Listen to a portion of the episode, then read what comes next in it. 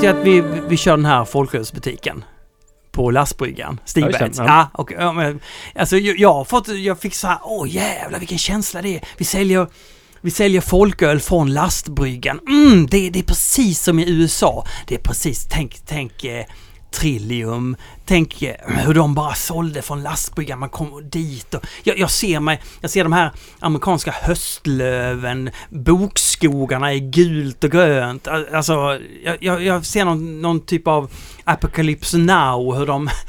alltså, alltså när Ja men det, då, då är de i det här, alltså jag vet inte om de är just vid Trillium är de kanske inte. Är de inte Vietnam? Det är som Vietnam.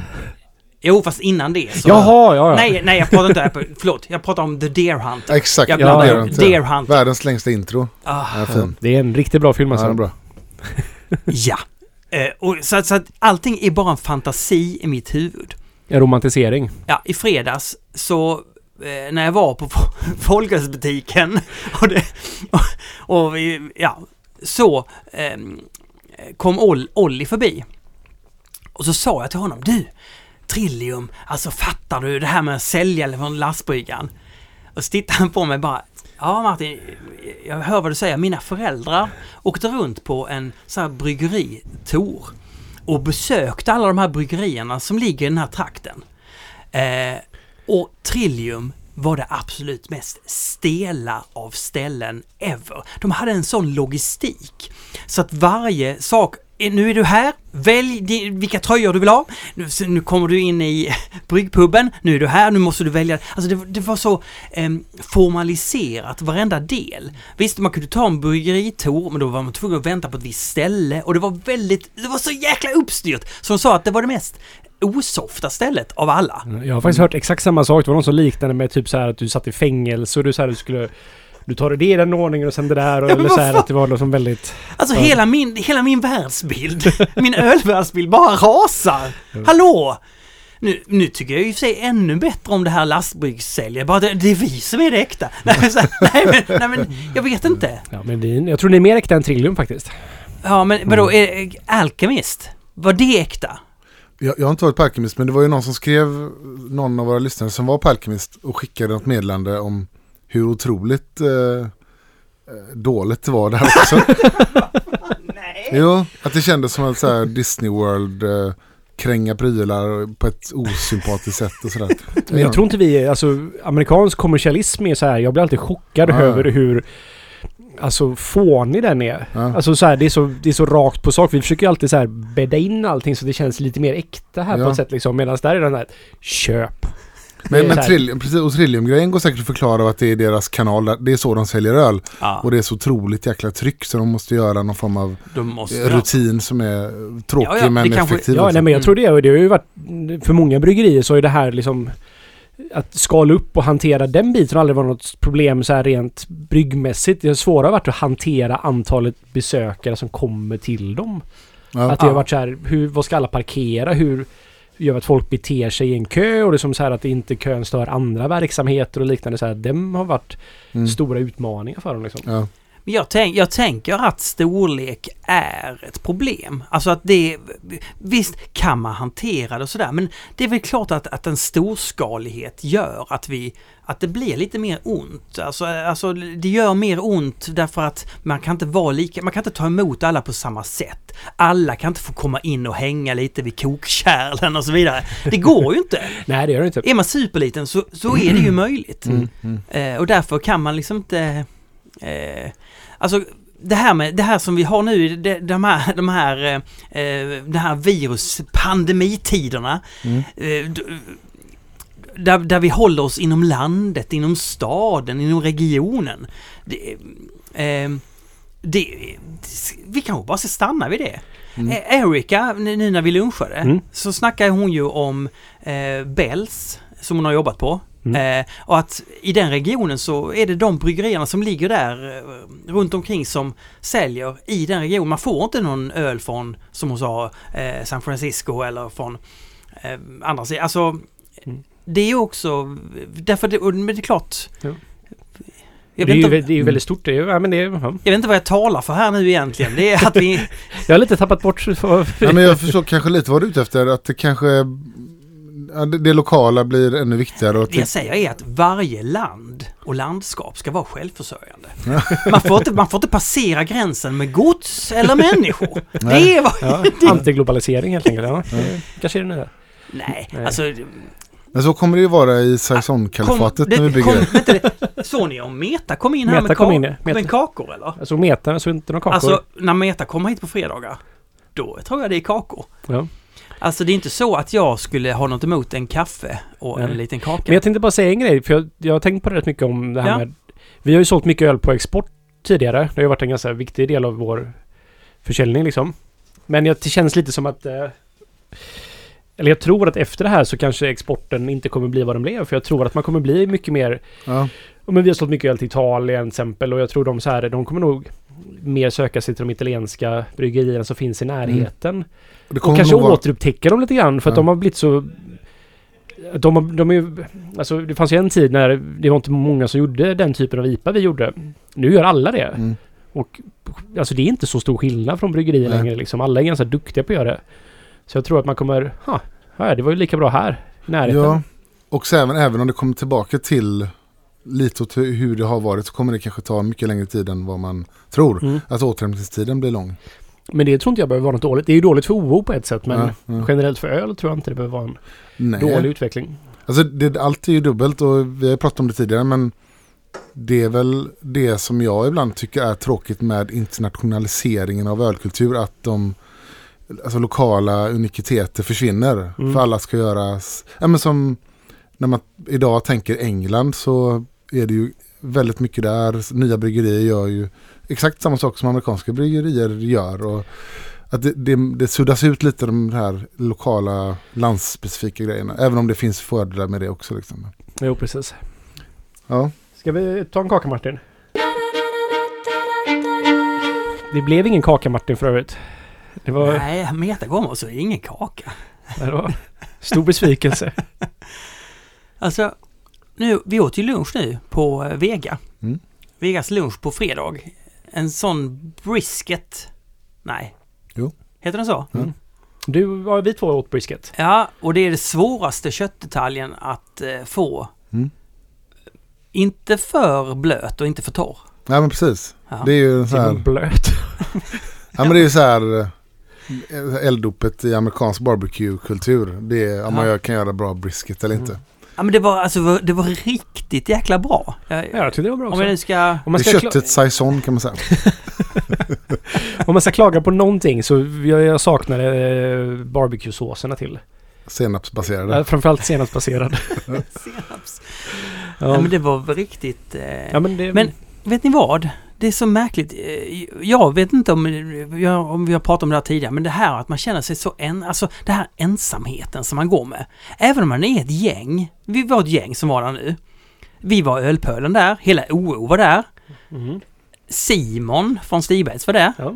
Eller är han en... Oh, nej, han... Nej, det... Men hur som helst. Jo, nej vad säger, vad säger jag nu? Nej, eh, eh, det spelar liksom ingen roll utan det finns en sån... en- Alltså, det är precis som man, man är sig, man är bara sig själv. Man är aldrig gruppen. Jag vet inte vad, vad, hur ni funkar. Alltså, jag tänker bara på mig själv. Jag tänker bara på mig själv, mina projekt i första hand. All, alltid eller är det mer Ja. nu? Nej men alltid. Det är väl klart att jag kan tänka på om, om något av mina barn råkar ut för någonting. Då börjar jag tänka, "Mm, det här musik, då, då tänker jag på det. Men jag tänker inte i först, alltså av mig själv. Det ligger fortfarande i huvudet men det liksom flyttas lite åt sidan då. Nej men alltså om jag själv tänker saker och ting så tänker jag, vad ska jag göra? Och jag tycker, jag tycker bla, bland män så finns det det här projektstyrda, jag gör den här grejen, man är fokuserad på det i första hand. Mm. Du, du är fokuserad på humlen i första hand, Olle. Ja, Ibland. Ibland. Det finns många olika projekt. Men Ja. jag, för, jag, Ja. jag tror du är lite som jag säger. Jag kommer in i perioden när jag liksom så här är lite mer kreativ och då har jag jättemycket idéer i mitt huvud och då kan jag verkligen inte sätta dem åt sidan. Nej. Och då kanske det är så i två månader. Sen så blir det en månad utan. Mm. Och då är det väldigt tråkigt på något sätt. Men jag tänker på, ja, det är ju det. Ja. Men Man saknar det liksom. Ja, men det finns ju någonting med det här med att jag ser dem, alltså åtta av nio kvinnor runt omkring mig eh, är, har ju eh, som en idé att träffa sina vänner på ett annat sätt, som en grupp. Att, att styra upp det, att ha en typ av bokklubb eller ha, bara träffas. Eh, jag kan inte se, och det, det, det är kanske för att jag har en skev vänskara eller någonting. Jag vet inte, ni känner inte igen det här alls eller? Jo, men jag kan känna igen det här absolut projekt som man har, som du är inne på, någon som projekt eller tanke på gång. Så då kan jag också bli, jag tänker på det väldigt, väldigt mycket. Eh, Men ibland när man, för mig är det en stresssak. Liksom. Och när jag inte är stressad och man går återgår någon form av total avslappning, då kan jag ta in omgivningen När du har en total avslappning. Ja, men Ja. typ ja, men nästan efter om man har semester och har inga krav på sig eller någonting.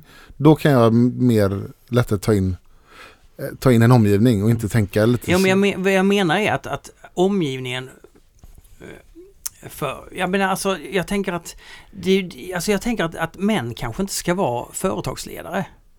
Alltså, och kanske inte ska styra, jo kanske företagsledare, men kanske inte ska ha hand om personal, kanske inte ska, för det är den, den egna vägen som är viktig, det är inte gruppen som är viktig. Mm. Gruppen kan vara viktig om det leder mig framåt.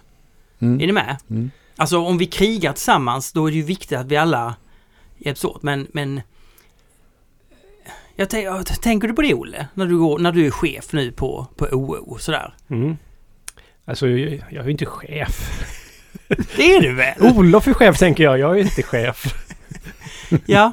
Eh, Jag, är väl produktionsansvarig, det är inte chef. Nej. Nej. Nej. Så att Men du Olof är, bestämmer väl ändå? Ja, men det gör jag väl. Men det är, det är det är ju bara mig och Erika jag bestämmer över. Det Ja. är inte så mycket. liksom. Ja, det har vi i sig redan pratat Men, ja. jag, men, så här, Ja. jag tänker så här, med projekt så här, för jag, jag um, eller så här, vi umgås ju. Det tycker jag är jättetrevligt att vi alla tre här umgås. Så det gör vi ju bara för att vi har projektet Ölpölen. Ja, ja. Det var ju sen när du frågade mig om, ska vi spela in podcast? Då var det som att så här, Ja men det kan vi göra, vad trevligt att få hänga med Martin. Eller ha en anledning för att hänga med Martin. Vi hade kunnat hänga i alla fall, men det hade vi aldrig gjort liksom. Nej, alltså Nej. precis. Vi måste ha en absolut en, göra någonting ihop. Då kan vi hänga. Ja. Och det är samma sak med min kompis Challe här som jag ändå umgås väldigt mycket med. Men nu har vi... Han har byggt en speldator åt mig. Mm. För han, han är lite... Han samlar typ... Jag vet inte, han... Han har... Alltså på OO så har han ett... Alltså han skulle kunna ett datormuseum av alla de datorerna han har i den... Alltså det är ett... Det är flera kvadratmeter av OO liksom, hans gamla datorer. Och han har väldigt mycket datorer hemma också. Han köper och hittar och så här. Så att han gav mig en jättebra speldator för han hade alla delar hemma. Och då hade vi ett projekt och helt plötsligt så här så umgicks vi mycket, mycket mer. Och det var jättetrevligt. Men jag är lite rädd att nu när det är jag, över liksom så... Ja. Men det är där jag Kommer tänker att, det är där jag tänker att puben kommer in. Då gör man ju något- alltså då kan man ju komma så nära som möjligt att vi bara träffas och snackar. Mm. Men vi har puben, vi kan ta en öl, vi kan prata lite om ölen. Där kommer ju ölen in också som samtalsämne. Mm. Eller? Mm, mm. Ja. Jag, Ja men visst. nej, och det, då, då tänker jag tillbaka, alltså, det, det enda jag har är ju min, alltså jag, jag- visst vi har ju ölpölen. Och det, men, men sen är, har man ju bara sin familj och, sen, och sin ensamhet. Men, Jag tänker på det som med, man, man kan ju gå ut och ta en öl med, med kompisar och sådär utan någon anledning. Eller anledningen är att ta ölen då. Men jag tänkte, nu när du sa det tänkte jag, hade jag ringt någon kompis och sagt så här, kom hem till mig eh, så här, eh, Och häng så, lite. och bara, jag vill bara prata med dig. Då hade de blivit jättenervösa, förmodligen. Ja. Eller hur? Vilken konstig grej. Jag hade blivit helt så här... Exakt. Vad är det nu som hänt? Ja. Ja, nej men det, och, jag, jag tänker att det är lite så här. Att det är en... Att det, ensamheten blir... Jag, tycker, jag märker hur den griper. Den blir tydligare och tydligare för mig. Att ja, men jag kommer vara ensam. Jag kommer vara och jaga de här olika projekten och det är vad jag kommer hålla på med. Ja. Och därför får jag vara glad att jag, att jag har en familj. Och familj behöver inte... Det kan ju bara handla om att man träffar någon varje dag. Som jag träffar mina barn och min fru. Jag träffar ju dem varje dag. Så att då, då kommer man ju nära varandra. Eh, och då ja, får Ja. man ju ett sammanhang. Fysiskt så tvingas man till ett sammanhang så att säga. Eh, Jag har tänkt på en sak nu när det varit corona här liksom. Ja. Vad skönt det är att vara själv. Jag älskar det. Mm. Jag har varit på landet och fiskat helt själv och sådär. Liksom. Ja, Det ja. har varit... Ja. Absolut. Utan corona vore vi inget. jo, det här hände. Eh, att Neil Paling kom till eh, Stigbergets och hade med sig kvass. Mhm. Ja. Eh, så sa han så här, ja men det här har jag gjort på eh, bröd. Vadå? Mm. Ja, så jag låtit det bara stå och jäsa till. Och jag säger, oh det här, oh, jag fick ju inte så här jättekänsla för det. Nej. Hällde han upp det och så var det svinagott. Det var perfekt mål, alltså till lunchen drack jag. Hur starkt var det? Ja, han sa det kan inte vara mer än 2%. Jag smakade, det här är nog 4-5 i alla fall. Jag, alltså, Mm. Man sa nej det kan jag inte få upp det i. Det, jag vet inte hur funkar det? Jag har aldrig gjort eh, kvass. Nej, inte jag heller. Jag har aldrig som- druckit kvass heller faktiskt. Nej, jag bara funderar på också om jag har gjort det. Jag tror inte heller det. Det är Nej. så östeuropeisk... Eh, Östeuropeisk eh, version av vår svagdricka. Något li, det är ju något Lite, ja. liknande. Ja. Men det här, var, det här var liksom friskt och, och lite syrligt och lite... lite men lite, sa han hur han hade gjort det då? Förutom att det bara var bröd. Det måste ha gjort, hänt något mer. Ja, men han har väl... Har inte, ja, nej. Jo, han sa exakt vad han gjorde. Men Mm. jag, har glömt allt. Men vad gör man? Man blötlägger blö, bröd. Blötlägger bröd och jäser med bakjäst eller har nej, man finns, låter det stå ganska varmt. Det, det vet jag. Ja, men det, Så det är spontanjäser helt Mm. enkelt? Och okej. berätta. Ja, men jag googlar lite mer så vi fattar lite mer vad kvass är. Det är ju som, eh, som Olle sa, det är ju ett... Eh, kommer från ukrainskan. Kvass. Dryck görs på mörkt bröd, ofta råg. Och får jäsa spontant egentligen då. Okej. Så att den får en... Ett, bildar ättiksyra, får en syrlig smak. Står på ett ganska varmt ställe och jäsa ja. Eh, och stå så här, drycken motsvarar på så vis i viss mån svensk svagdricka. Men det är inte riktigt samma sak. Men eh, Nej.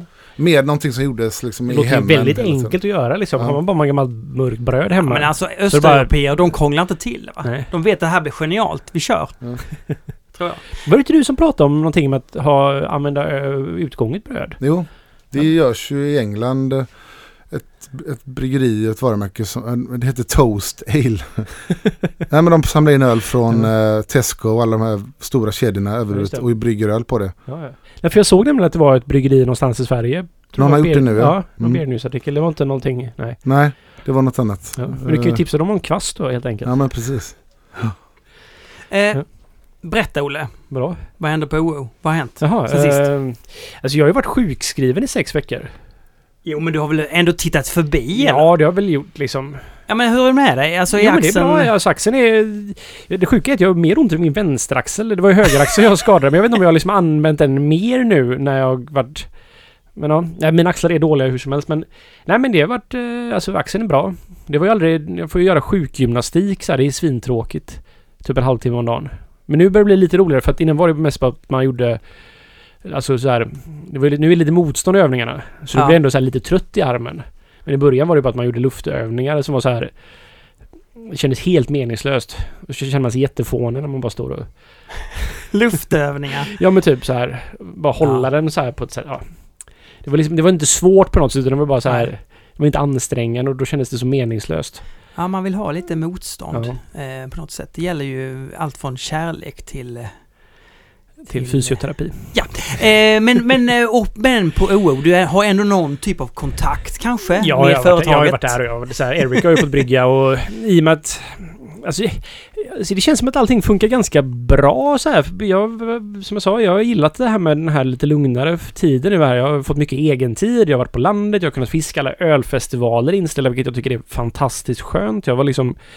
I vintras så hade jag ju lite så här panik över hela april och maj då, som är man borta varje helg på en ölfestival någonstans. Jag var liksom inte alls sugen på det. Jag har fått nog av ölfestivaler nu.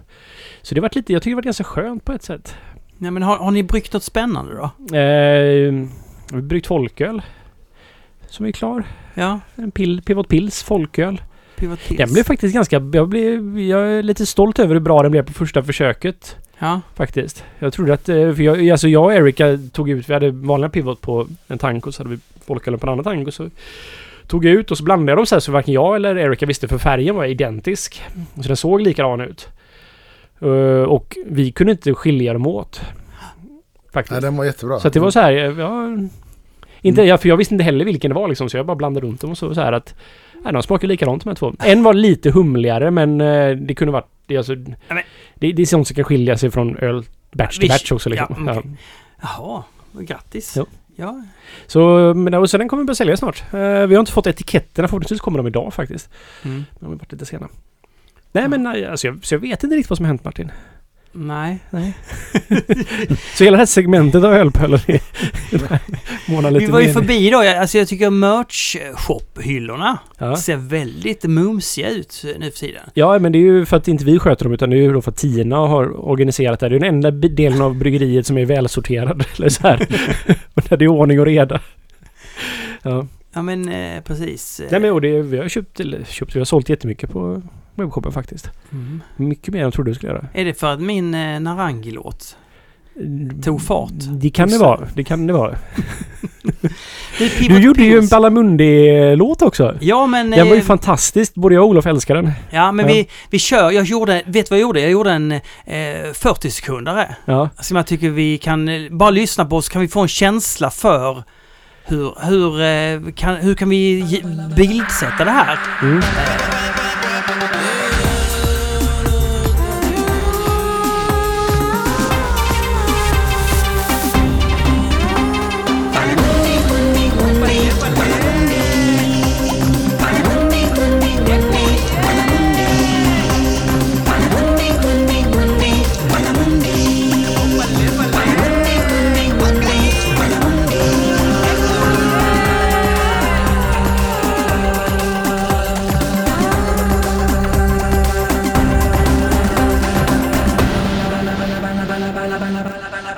Det var en riktigt bra låt faktiskt Martin. Jag skulle säga att den här är bättre än Arangi-låten. Fast det var ju mer en reklamgrej var det just det. Ja det var väl Det var, inte, det var inte ens en låt Arangi med. Nej det här, alltså den var ju... Jobbar jag med humor. Ja. Här jobbar jag ju med, med kultur och allvar och en... alltså Balamundi är ju glädje, det är dans, det är färg. Mm. Jag tänker mig, alltså vi har Och någon... ett mattföretag. Ett mattföretag. Men jag tänker, alltså jag, jag kollade in väldigt många Bollywood-sekvenser. Hur man kan, men man kan åka, ha långa åkningar och så bara vänder sig någon väldigt snygg kille om och tittar in i kameran. Och, alltså väldigt mycket zoomning tillsammans med åkning vilket gör, får väldigt speciella effekter. Ja. Eh, Men ska vi, ja, vi göra musikvideo till den här helt enkelt alltså.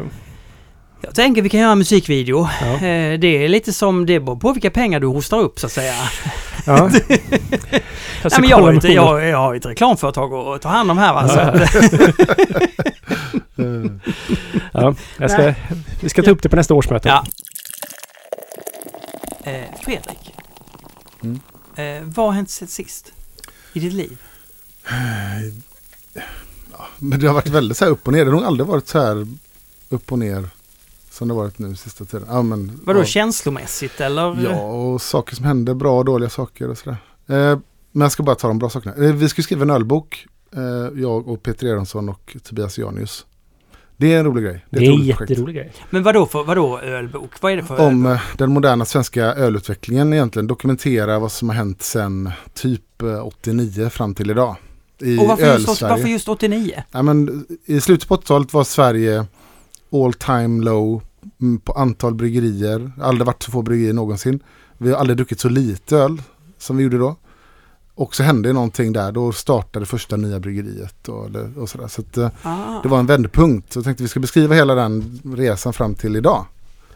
Så det blir, det blir nästan som den här julklappsgrejen. Inte julklapp eller... Ja, men den julkalendern. Julkalendern heter det. Det var lite där, den, vi fick den idén och väl på med det. Att Ja. så här borde man kanske göra lite större då. Så vi ska beskriva inte bara bryggerierna utan ölscenen, kulturen, människorna, ölen, festivalerna, barerna. Alltså, så. Oh, det låter inte... Men ni skulle göra en typ Kickstarter-kampanj för det här Ja, vi kommer köra igång en Kickstarter-kampanj. Jag vet inte riktigt när men vi har börjat jobba med den här boken och det kommer bli en fet bok. Ja, Wow. Mm.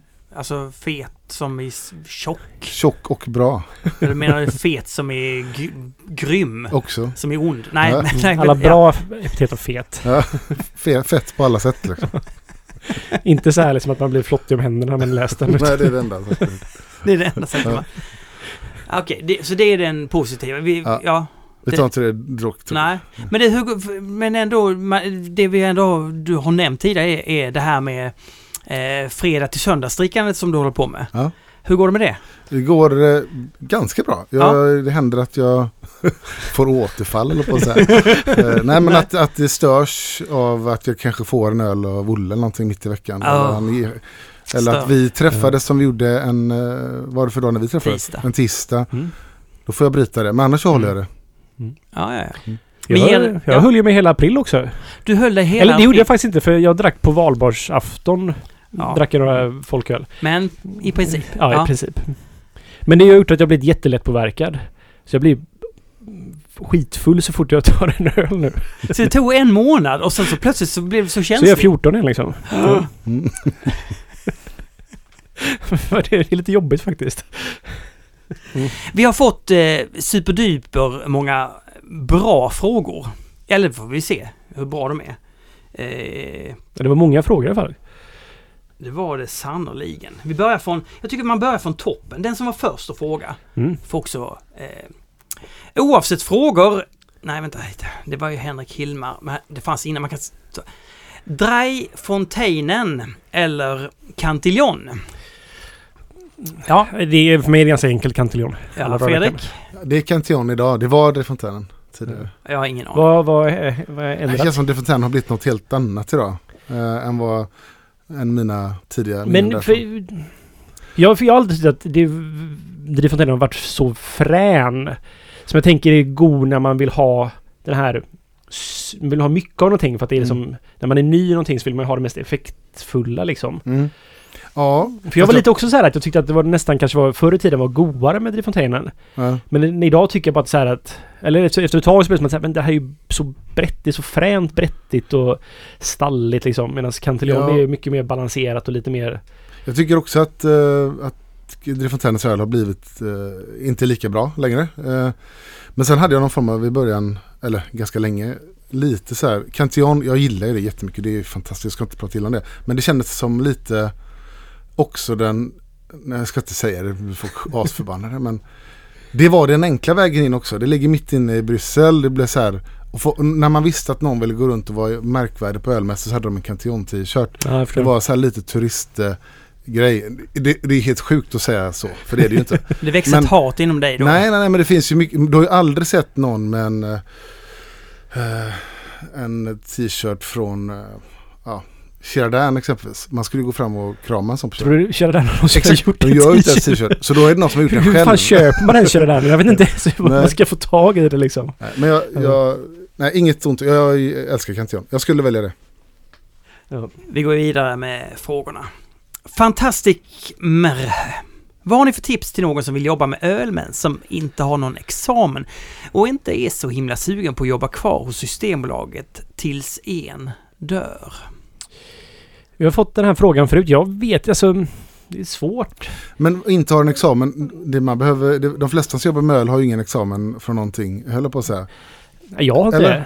det. Jag, Eller ja, en del har ju gått bryggutbildning Jo, precis. såklart. Men alltså bryggutbildningen är ju en ganska bra väg in för du gör praktik och du ja, kommer in den vägen och bryggerier. Um, alltså, är man en skitbra säljare så kanske man kan få jobb idag som uh, Ja. säljer öl. Eller snart. Precis. Men eh, ett sätt skulle vara faktiskt om man liksom vill jobba... Det är ju liksom så här, Canman skulle vara en bra in, väg in och träffa mycket bryggerier den vägen och... Ja. Men du, du, då jobbar man ju för Canman om man... Sen slutar jobba för Canman. Jag vet inte riktigt. Ja. Det kanske inte är så schysst mot Canman egentligen men... Mm. Nej men... Eh, jag vet inte.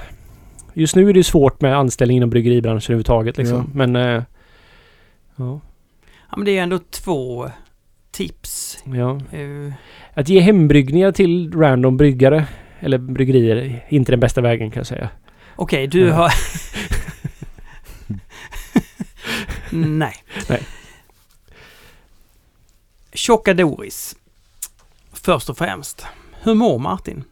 Han hade en lång streak av sitt prat om fortplantning varje avsnitt, men det tog slut för något avsnitt sen. Lite orolig blir man. Ja, jag, jag sa ju, berätta precis om ångest. Mer och mer. Eh, det kanske borde resulterat i att jag borde fortsatt min... Eh, for... jag, jag, jag, jag skulle nog säga så här att jag var lite klar med att prata om fortplantning. Jag tycker jag har fått ut det mesta av Du har det. bearbetat hela den här grejen. Nej men jag har sagt ungefär det. Det blir mer som en, en upprepning att tjata om samma grej. Så du, du pratar om allting det finns som man pratar om med fortplantning helt enkelt. Så öl kan vi fortsätta prata om i ev- evighet, men fortplantning tog slut. Så, det finns inget mer. Nej, men jag, det fanns väl en anledning till att jag pratade om fortplantning. Alltså det här är ju inte en fortplantningspodd, även om jag försökt göra det till det. Det är en ölpodd. Jag därför- fattar aldrig riktigt den anledningen om jag ska vara helt ärlig. Nej, men det, det, nej, precis. Men det var väl någonting inom mig som, som jag behövde, som du säger, bearbeta och Ja. ta, ta upp. Eh, Det återkommer säkert till det. Eh, det. Det kändes väldigt rimligt att prata om det. Jag tycker egentligen det är helt orimligt att prata om öl varje, varje, varje avsnitt. Men samtidigt, vi heter ju Ölpölen så att det är... eh, ja. Eh, det är väl det. Undrar också om Olle ändrar något i Pivot sen produktionen gått upp om han saknar S04. Eh, jag kan säga så här, jag använder faktiskt S04 här nu för att eh, vi... Lite planeringsmiss men också en... Det var... Ja, vi kunde inte skörda gäst helt enkelt av lite olika anledningar. Så då använde jag S04 till när vi bryggde katter här nu som ska återlanseras på bolaget. Ja, och hur gick det då? Det gick bra, men jag kommer också ihåg varför jag inte använder S04 längre. Nämligen? Att, det är som att den är väldigt stabil, det blir bra öl, men det saknas det här lilla extra liksom. Det blir lite tråkigt liksom. Mm. Och eh, sen finns det så här en väldigt tydlig esterprofil i S04 som jag... Alltså jag lärde väl mig, eller jag liksom med tiden så märkte det mer och mer och mer och desto mer störde jag mig på den. Så att Mm. det är liksom, den, jag förstörde den för mig själv helt enkelt. Så jag saknar inte S04. Sen var det om Pivot har ändrat sen vi brygger mer Pivot. Alltså jag gjorde ju Pivot från början för att som med tank, alltså vi hade ju äkta som är liksom en mer premium pilsner på det sättet att vi dels så dyrare ingredienser, mer tid på tank och ja, lite mäckigare att göra med Alltså Pivot gjorde vi för att vi visste att vi ville... Den är ju ganska aggressivt prissatt både på fat och på burk liksom för den storleken vi är. Vi kan ju aldrig konkurrera med de riktigt stora där men att jag gjorde... Jag ville ju göra en pilsner för att se hur billigt jag kan göra den utan att den blir dålig på något sätt. Eller att jag liksom hittar den här, vad är de... Hur många, alltså inte genvägar, men hur mycket, så här, mycket kan kompromissa utan att tappa själva konceptet med en bra pilsner. Mm. Så att det var ju liksom tanken med pil från början. Så att den är i stort sett som den alltid varit. Sen så har jag alltid ändrat lite i receptet, lite Vienna hit och lite Vienna dit och Ja, sådär. men det, du har ändrat lite Vienna hit och lite Vienna dit. Ja, men det är, det är ganska lite jämfört med... Eller så här, Det, det blir inget svar på... Alltså den, den är ungefär som den var från början. Faktiskt. Och ehm, ja.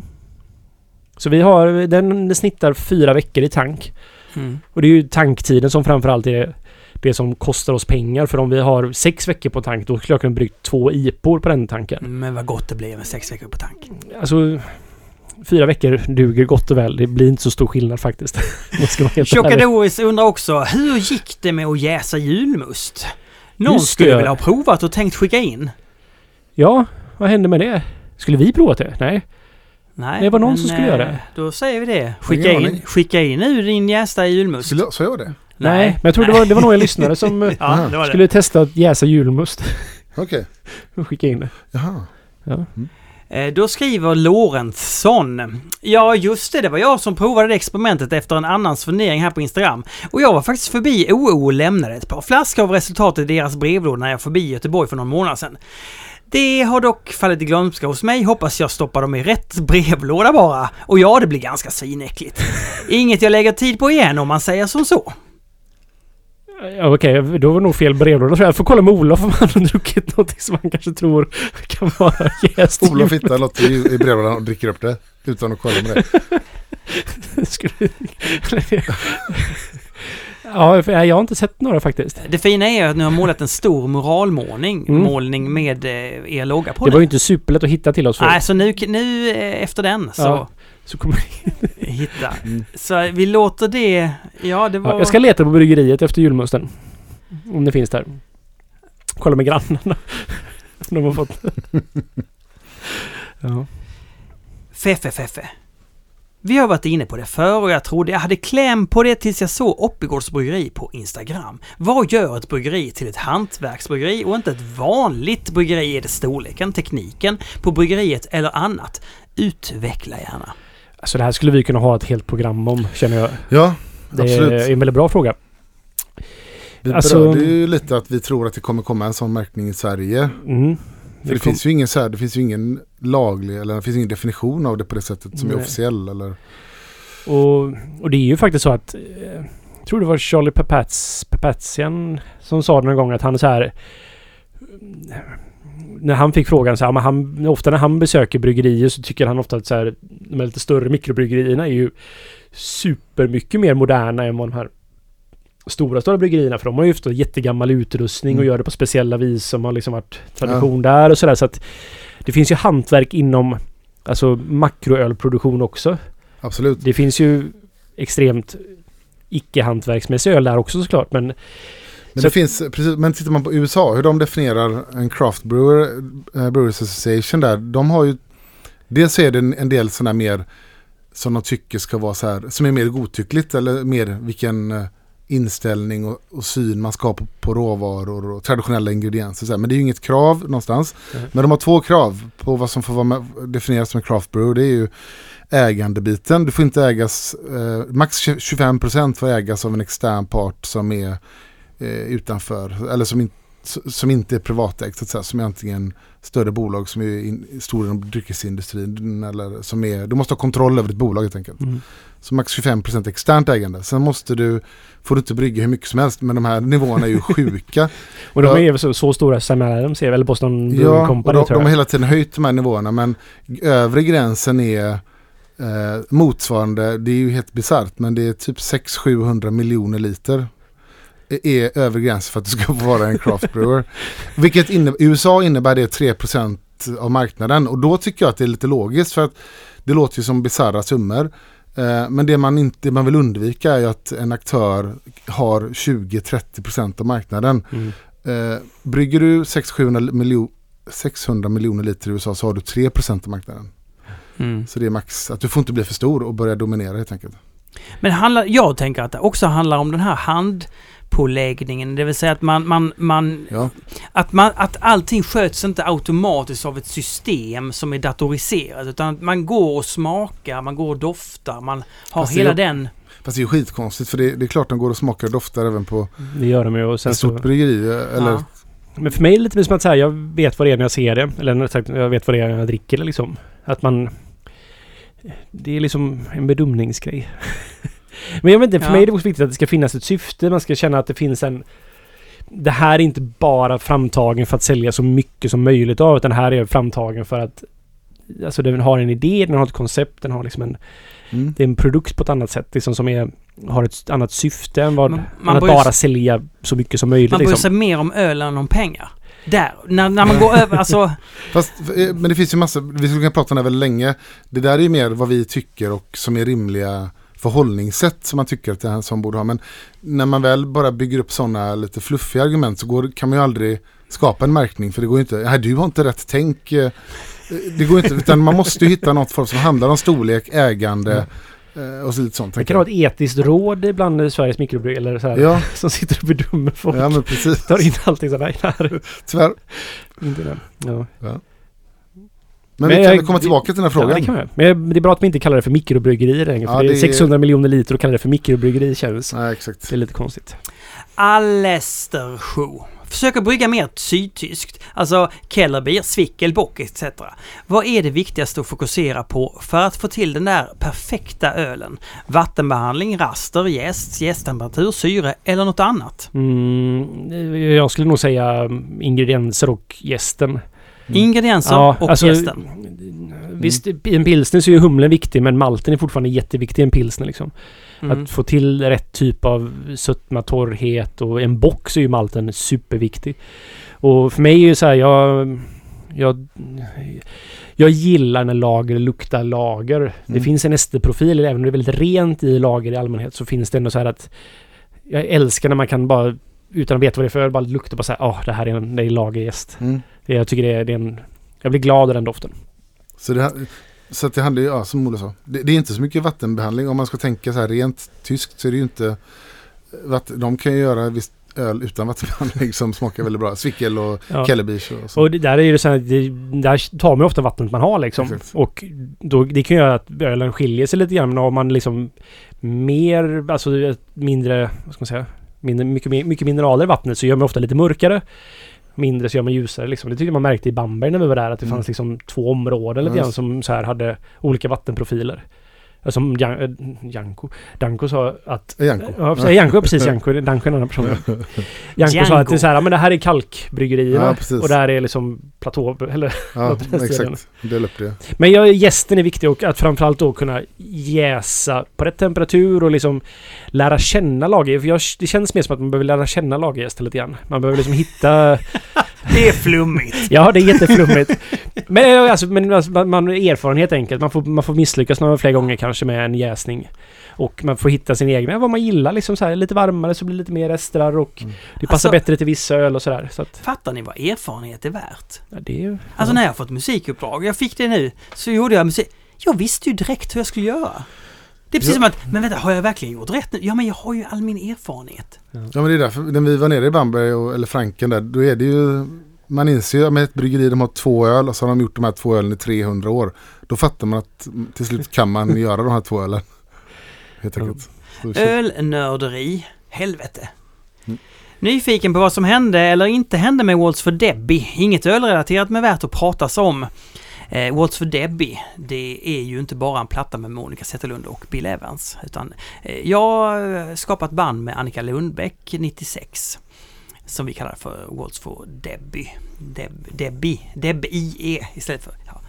Eh, och eh, jag träffade henne på en studentklubb och sa, ska vi inte göra musik? Vi tänkte lite åt Sant Etienne-hållet. Oh, Och då sa hon direkt, jajamän, sa hon, det vill jag göra. Så började vi göra den typen av eh, musik. Fick till slut, vi fick ett kontrakt på Stockholm Records. Släppte en singel, sen blev de uppköpta och så hamnade vi på Labrador eh, Records och släppte ett album där. Fick en hit i P3 Oj! med Once upon a time. Kan man klippa in den också i Pölpölen? Ja, kommer här.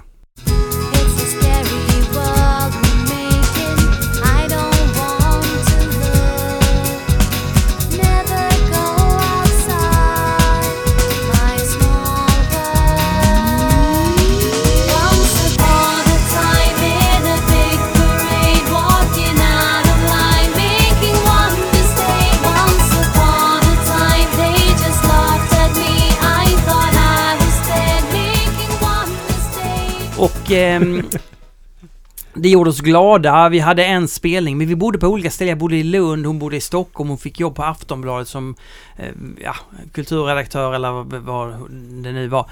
Och, och jag började plugga och så vidare.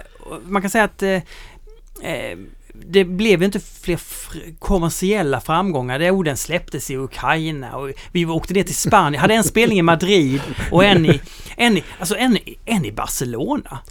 Då, då hade vi en spelning klockan, säg klockan nio på kvällen. Då kommer det ungefär 15 personer och ställer sig och tittar. Tre eller fyra av dem sjunger med i varenda text. Jag bara, va? Och sen när spelningen är slut så går ju alla ut för då ska de äta. Ja. Så det bara försvinner alla, allt folk. Mycket, mycket speciellt. eh, vi gjorde ju så många låtar som vi har till ett album till. Men det, det man kan säga att på ett sätt har det runnit, runnit ut i sanden. Eh, jag har gjort många andra saker. Det finns kvar grejer. Men så ni har ett helt inspelad skiva som ni aldrig släppt helt enkelt? Ja, och nu är den så oerhört daterad. Eh, Ja. väldigt starka låtar. Men, Men- de här... Vänta tio år till så är det, låter det bra igen. Ja. Men de här personerna som sjunger med där, de kanske... De skulle bli jätteglada om de bara släppte det här på, på Ja, Bandcamp eller det liknande. är väl inte alls omöjligt. Det är helt, eh, helt sant. Johanssonsi. Vilken är den bästa ölen att dricka utomhus en ljum sommarkväll? En ljum sommarkväll. Ja, Inte en varm utan nej den är ljummen. Ja. Så man fryser lite fast man är inte sådär. Man är, man är osäker på om man ska på sig jackan eller inte jackan. ja, det är väl lite den nivån. Alltså jag skulle vilja dra det här åt att om man har en riktigt så här hazy, välbalanserad IPA. Mm! Vad den sitter bra alltså. Ja. Fattar ni vilka smaker som finns i en sån öl? Ja. Jag, skulle, jag skulle kunna tänka mig rätt många olika ölar men jag skulle också gå på en IPA tror jag faktiskt. Ja Fredrik, nu får du balansera upp det här. Nej men utomhus. eh, och så, Ja. eh, Jag förutsätter att man ser ut över någon form av fält med, Ja. med kon och så. Ja men då dricker man ju saison såklart. Ja, det var ett bra svar faktiskt. MB Gren. Vilken av alla 50-50 tycker Olle är den bästa och varför? Oh, Det kan ju bara vara, det kan ju bara vara musik Citra, eller hur? nej, faktiskt inte. Va? Den är inte ens med på topp tre tror jag. What the? Nej. ja, men det är också en smakkombination jag har förstört lite när jag bryggde måsen så jävla länge. Så man kanske blev lite trött på just... det är inget fel på den. Men det är lite safe om du förstår vad jag menar. Det är som Cantillon för Fredrik liksom. Stig spelar playing safe. ja okej. Ja, men det, var ju, det, var ju, det var ju meningen att vara safe när vi gjorde den liksom. Så här, vi tar de här två för det är de humlesorterna som alltid smakar godast. Så här. Det kan ju inte gå fel då. Nej, men vilka... eh, Jag pratade faktiskt med Olof om det här av någon anledning i veckan, vilka vi tyckte var godast. Jag landar nog i Mosaik Simco tycker jag är en väldigt bra kombination. Mosaik Nelson som faktiskt kommer i juni här, Mm. tror jag det är. Eh, nej, i juli kommer den nästan. Ja, skitsamma. Den gillar jag också väldigt mycket. Jag gillar Ja. ju Mosaik faktiskt. Mm. Sen så har jag också en Citra Columbus och Citra Chinook. Tycker jag också väldigt gott. Ja, Ja, nu är vi uppe i fyra. ja, Ja, så topp fyra blir det där. bra. Utan... Nej men Mosaik Simco är en av de bästa faktiskt tycker jag. Ja, vad tycker du Fredrik? Av de du smakat? Av Olles? Ja. Eh, minns inte. Jag, De smakar alla lika jag, och jag, jag tycker alla smakar väldigt lika. Och jag, jag tycker att det här är väldigt roligt. Hade man... Olle kanske skulle kunna känna skillnad på sin egna öl, men de flesta skulle inte känna skillnad Men- på... Det har hänt att jag inte känner skillnad på dem heller. Men Olle, du gjorde någon i början Ja. eh, som fanns på, på, på Bang. Kommer du ihåg det? Du, ja, det fanns ju Bang är flera. ju ganska ny, ny Ja, krog. men det var inte med... Var det inte... Så det är inte början Var det Martin. inte Ekanot eller sånt som blev så här magiskt bra? Eller var det var inte... mm, Ja, Jag nej, vet inte. nej. Den första absolut jag någonsin gjorde var ju faktiskt Amarillo Simco. Mm. Och det är faktiskt... Och det roliga är att jag har inte bryggt med Amarillo på länge. För att jag inte tyckte att den var så god när jag köpte Amarillo. Men vi fick en skick... Eller vi, jag, gör, jag gör en öl Nova som är liksom en... Inte West Coast-IPA men en klassisk IPA. Den är klar liksom. Så den är liksom mer... Den är lite maltigare än vad en West Coast-IPA är. Så det, det är bara en IPA liksom. En, den påminner rätt mycket om en West Coast-IPA. Men det är Chinook, Citra, Simco Amarillo. Och vi fick ny Amarillo nu då. Och jävlar vad god den Amarillo var. Det var faktiskt, det var så här jag bara... Ja, ja. Det är så här det ska lukta liksom. Mm. Så nu är jag lite sugen på att göra en Amarillo Simco här faktiskt. Igen. Mm. Eller 100% Amarillo, nej. Ja men fan det kanske man ska göra. Men den är så bra. Ja. En 100 Amarillo. Ja men det är inte en dum idé Fredrik. Nej, alltså är det inte alltid bra, är det inte alltid bra att balansera upp? Men tror du inte att Amarillon kommer fram mer om du balanserar upp den mot en annan humle? Eh, nej. LPDCT. Vilken ölstil tar längst tid att lära sig att gilla? Det är en jävligt bra fråga. För det, det vill säga, vilken är äckligast? Är det, är det, är det, säger Nej folk, men det är ju en svinbra fråga. Ja. Ehm, vilken ölstil tar längst tid att lära sig att gilla? Jag skulle ju generellt säga rököl. ja, rököl. Kan nog vara... Kan, för det kan till och med jag ibland så här. Jag kan ibland... Jag gillar det här men jag, ibland så bara... Nej jag var fan inte på humör för det här idag. Nej, men det, det är nog väldigt bra svar. För att först tänkte jag så här lambic och den typen av belgisk suröl. Men då, det vet man att det kan vara några som dricker det som första gången tycker det är fantastiskt. Mm, mm. Andra kan det ta flera år att börja gilla. Men rököl det är ju aldrig någon som dricker det första gången och säger, eller tro, har jag aldrig varit med om. Wow vad gott det här var. Vad heter den där polska ölstilen? Eh,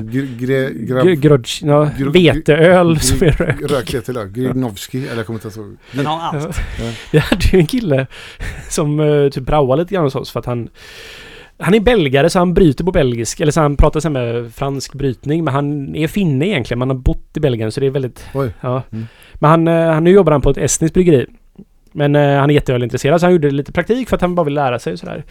Och han är öldomare då så han reser runt och dömer så han var på en sån... En sån prov. ja, en, Och har aldrig druckit innan. Jo, han, han var ju Ja. där för att han kunde, Kunde, eller ja. så här. det var, var hur många drack ni på så här? Jättemånga. Jag. Trött på det sen. Men eh, jag, jag tycker ju själv att barley wine kan vara väldigt svårdrucket. Va? Va? Vad fan säger du nu? Arvid K. Vad tycker Olle om Sabro och annan neomexicanus humle? Det, är ju- Vad vad- vad- vadå neo? Vad är, vad är alltså vadå? det heter faktiskt det. Okej. Det är släkte, alltså det är en, alltså en subart som till humle, eller så här liksom ett... Alltså jag är inte botanist, jag vet inte riktigt. Men det är, det är alltså de dvärghumlesorter som de kallas Okej, också. De har väldigt korta och tjocka ko- kottar. Ben. Men, men det, har, det har ingenting med Mexiko att göra? Jo, men de är ju därifrån.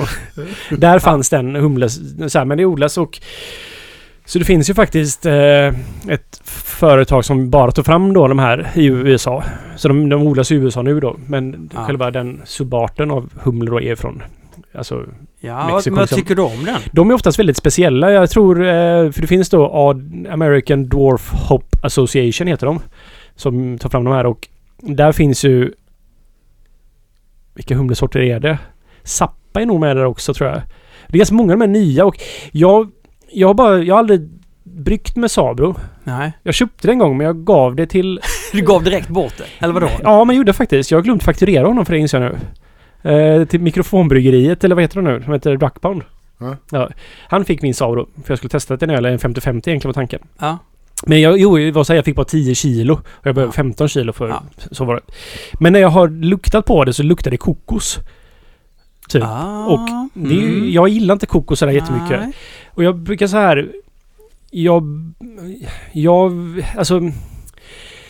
Jag vill inte döma ut en humlesort. Men jag har aldrig känt själv ett behov. Och när jag har druckit med så jag, det är inte riktigt vart, vad jag gillar riktigt med humle. Det blir väldigt parfymerat på ett sätt. Men jag vill inte döma ut en humlesort för jag har hänt förut att man behöver liksom lära sig lite hur en humlesort ska... Första gången jag, alltså, ja men typ Sorachi Ace älskar jag. Men den har en väldigt speciell form av så här Mm. dill och ananas och lite kokos också liksom. Men, ja men jag älskar den där nu. Jag tycker det är jättegott. Den är helt unik. Ja, helt unik liksom. Men att i början så tyckte jag att, äh, vad fan är det här liksom? Så jag vet jag vet, alltså den är unik Sabro. Och jag, jag kanske... Du är lite rädd för den? jag är lite rädd för den, ja. Mm. Precis. Denise. Denise. Eh, skulle vilja höra lite mer om Karismatico innan jag dricker den. Som står hemma i kylen. Mm. Eh, om Olle känner sig extra generös får han gärna tip- bjuda på lite tips till hemmabryggaren som vill göra en liknande bärs. Och kar- karisma- du har gjort en Karismatico. Mm. Är det en dubbel-IPA? Det är en dubbel Ja. Ja. Det är, det är namn som jag kanske är mest, tycker, jag är mest nöjd med. Allt det här började faktiskt med att vi... Eh, vi hade ganska mycket kottar över av både musik och citra. Så jag satt och funderade så här, vad fan kan jag göra med musik och citra liksom? Öl eller? Det är väldigt... Mm. Men så eh, med kottar just då liksom. Och så tänkte jag, men jag kan göra någonting med Symologic liksom som en sån här...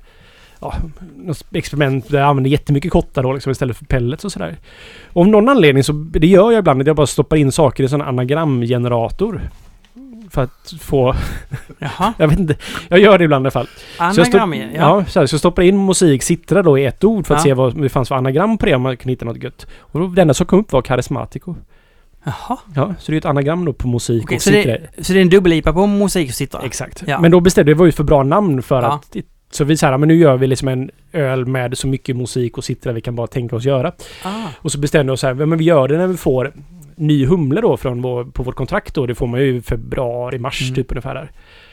Eh, I USA får man det tidigare men vi får det ganska så här, lite senare. Så då tog vi lite konceptet som vi gjort med ickor. Mm. Att vi liksom använder pellets i Whirlpool och i koket. Vi har kottar i hopbacken och så torrhumlar vi med pellets och cryohops då. Så det är så tre olika former av humle kan man säga. Det är musik och sitter hela vägen men det är liksom tre olika former på det. För att alla ger lite unika egenskaper liksom och det är den absolut humligaste ölen om man bara ser till gram per liter.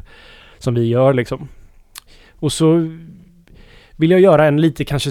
Ja, men jag vill ta i lite grann så den får bli lite så här publikfri. Så den är lite sötare än vad jag kanske brukar göra dubbel också. Så det är liksom en Golden Promise-bas och eh, havre och puffat vete. Havremalt och puffat vete. Puffat vete. det Låter, man blir sugen på att ta fram filen när du säger så. Mm, det, alltså, det, det smakar ju som... Vad heter de där? Havrepuffar. Nej, vetepuffar. Nej, ja men vad heter de? Cocopops. Med, med honung nej. på. Ja, det. Kalas, Kalaspuffar. kalaspuffar. Det smakar ju som Mm. kalaspuffar Ja, utan honungen liksom. Jamma, jamma. Du, men eh, Ja. då... Betyder det att du nästan gör öl med kalaspuffar? Det är faktiskt en väldigt klassisk brittisk ingrediens. Okej okej? då. Jo. Eh, Olle, Ja, en det var ingen bra dum idé annars. Du borde verkligen jobba med det här Fredrik. Ja, jag vet. Jag kommer gärna göra Singel. kalaspuffs uh, singelhoppöl hos dig. Ja.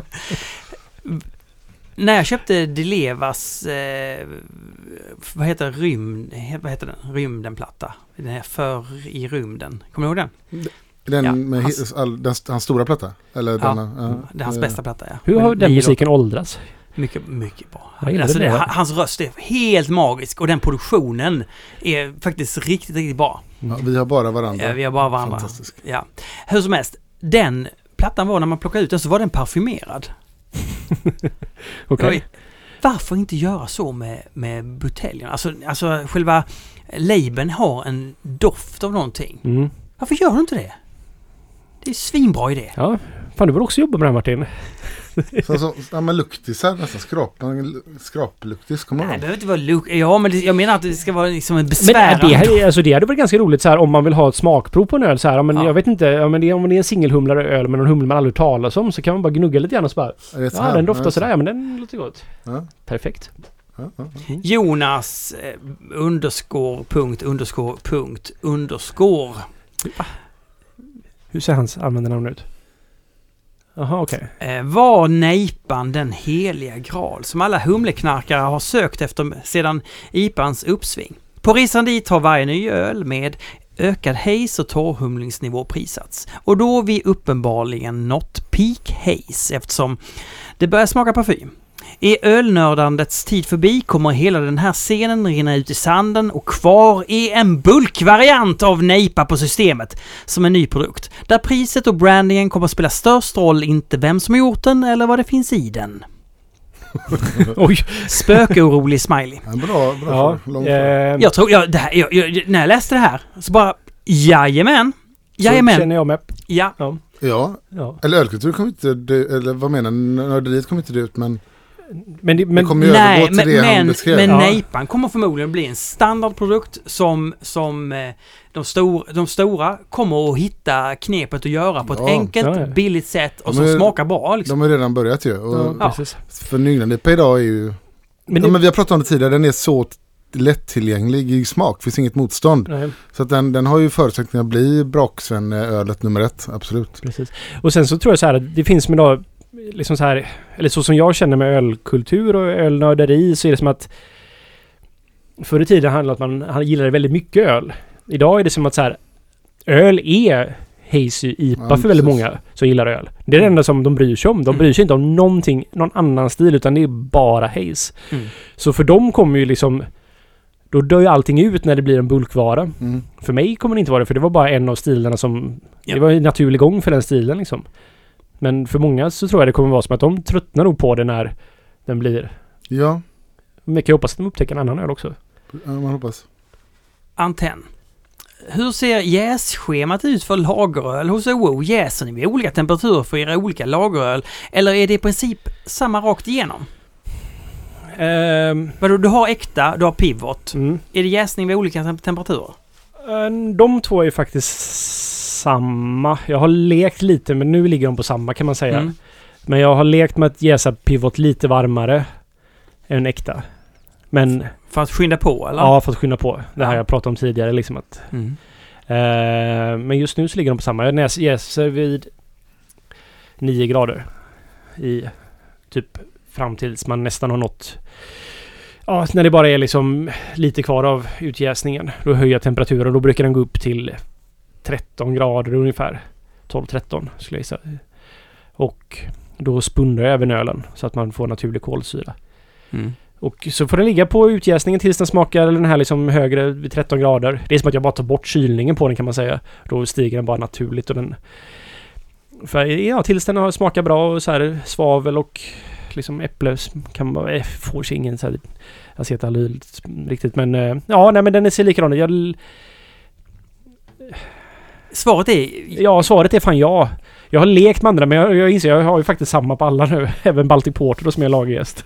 Och nu gör vi Pacific Pill som kommer vara en torrhumlad med modern lager liksom för sommaren. Den jäser också på samma sätt. Så att, ja.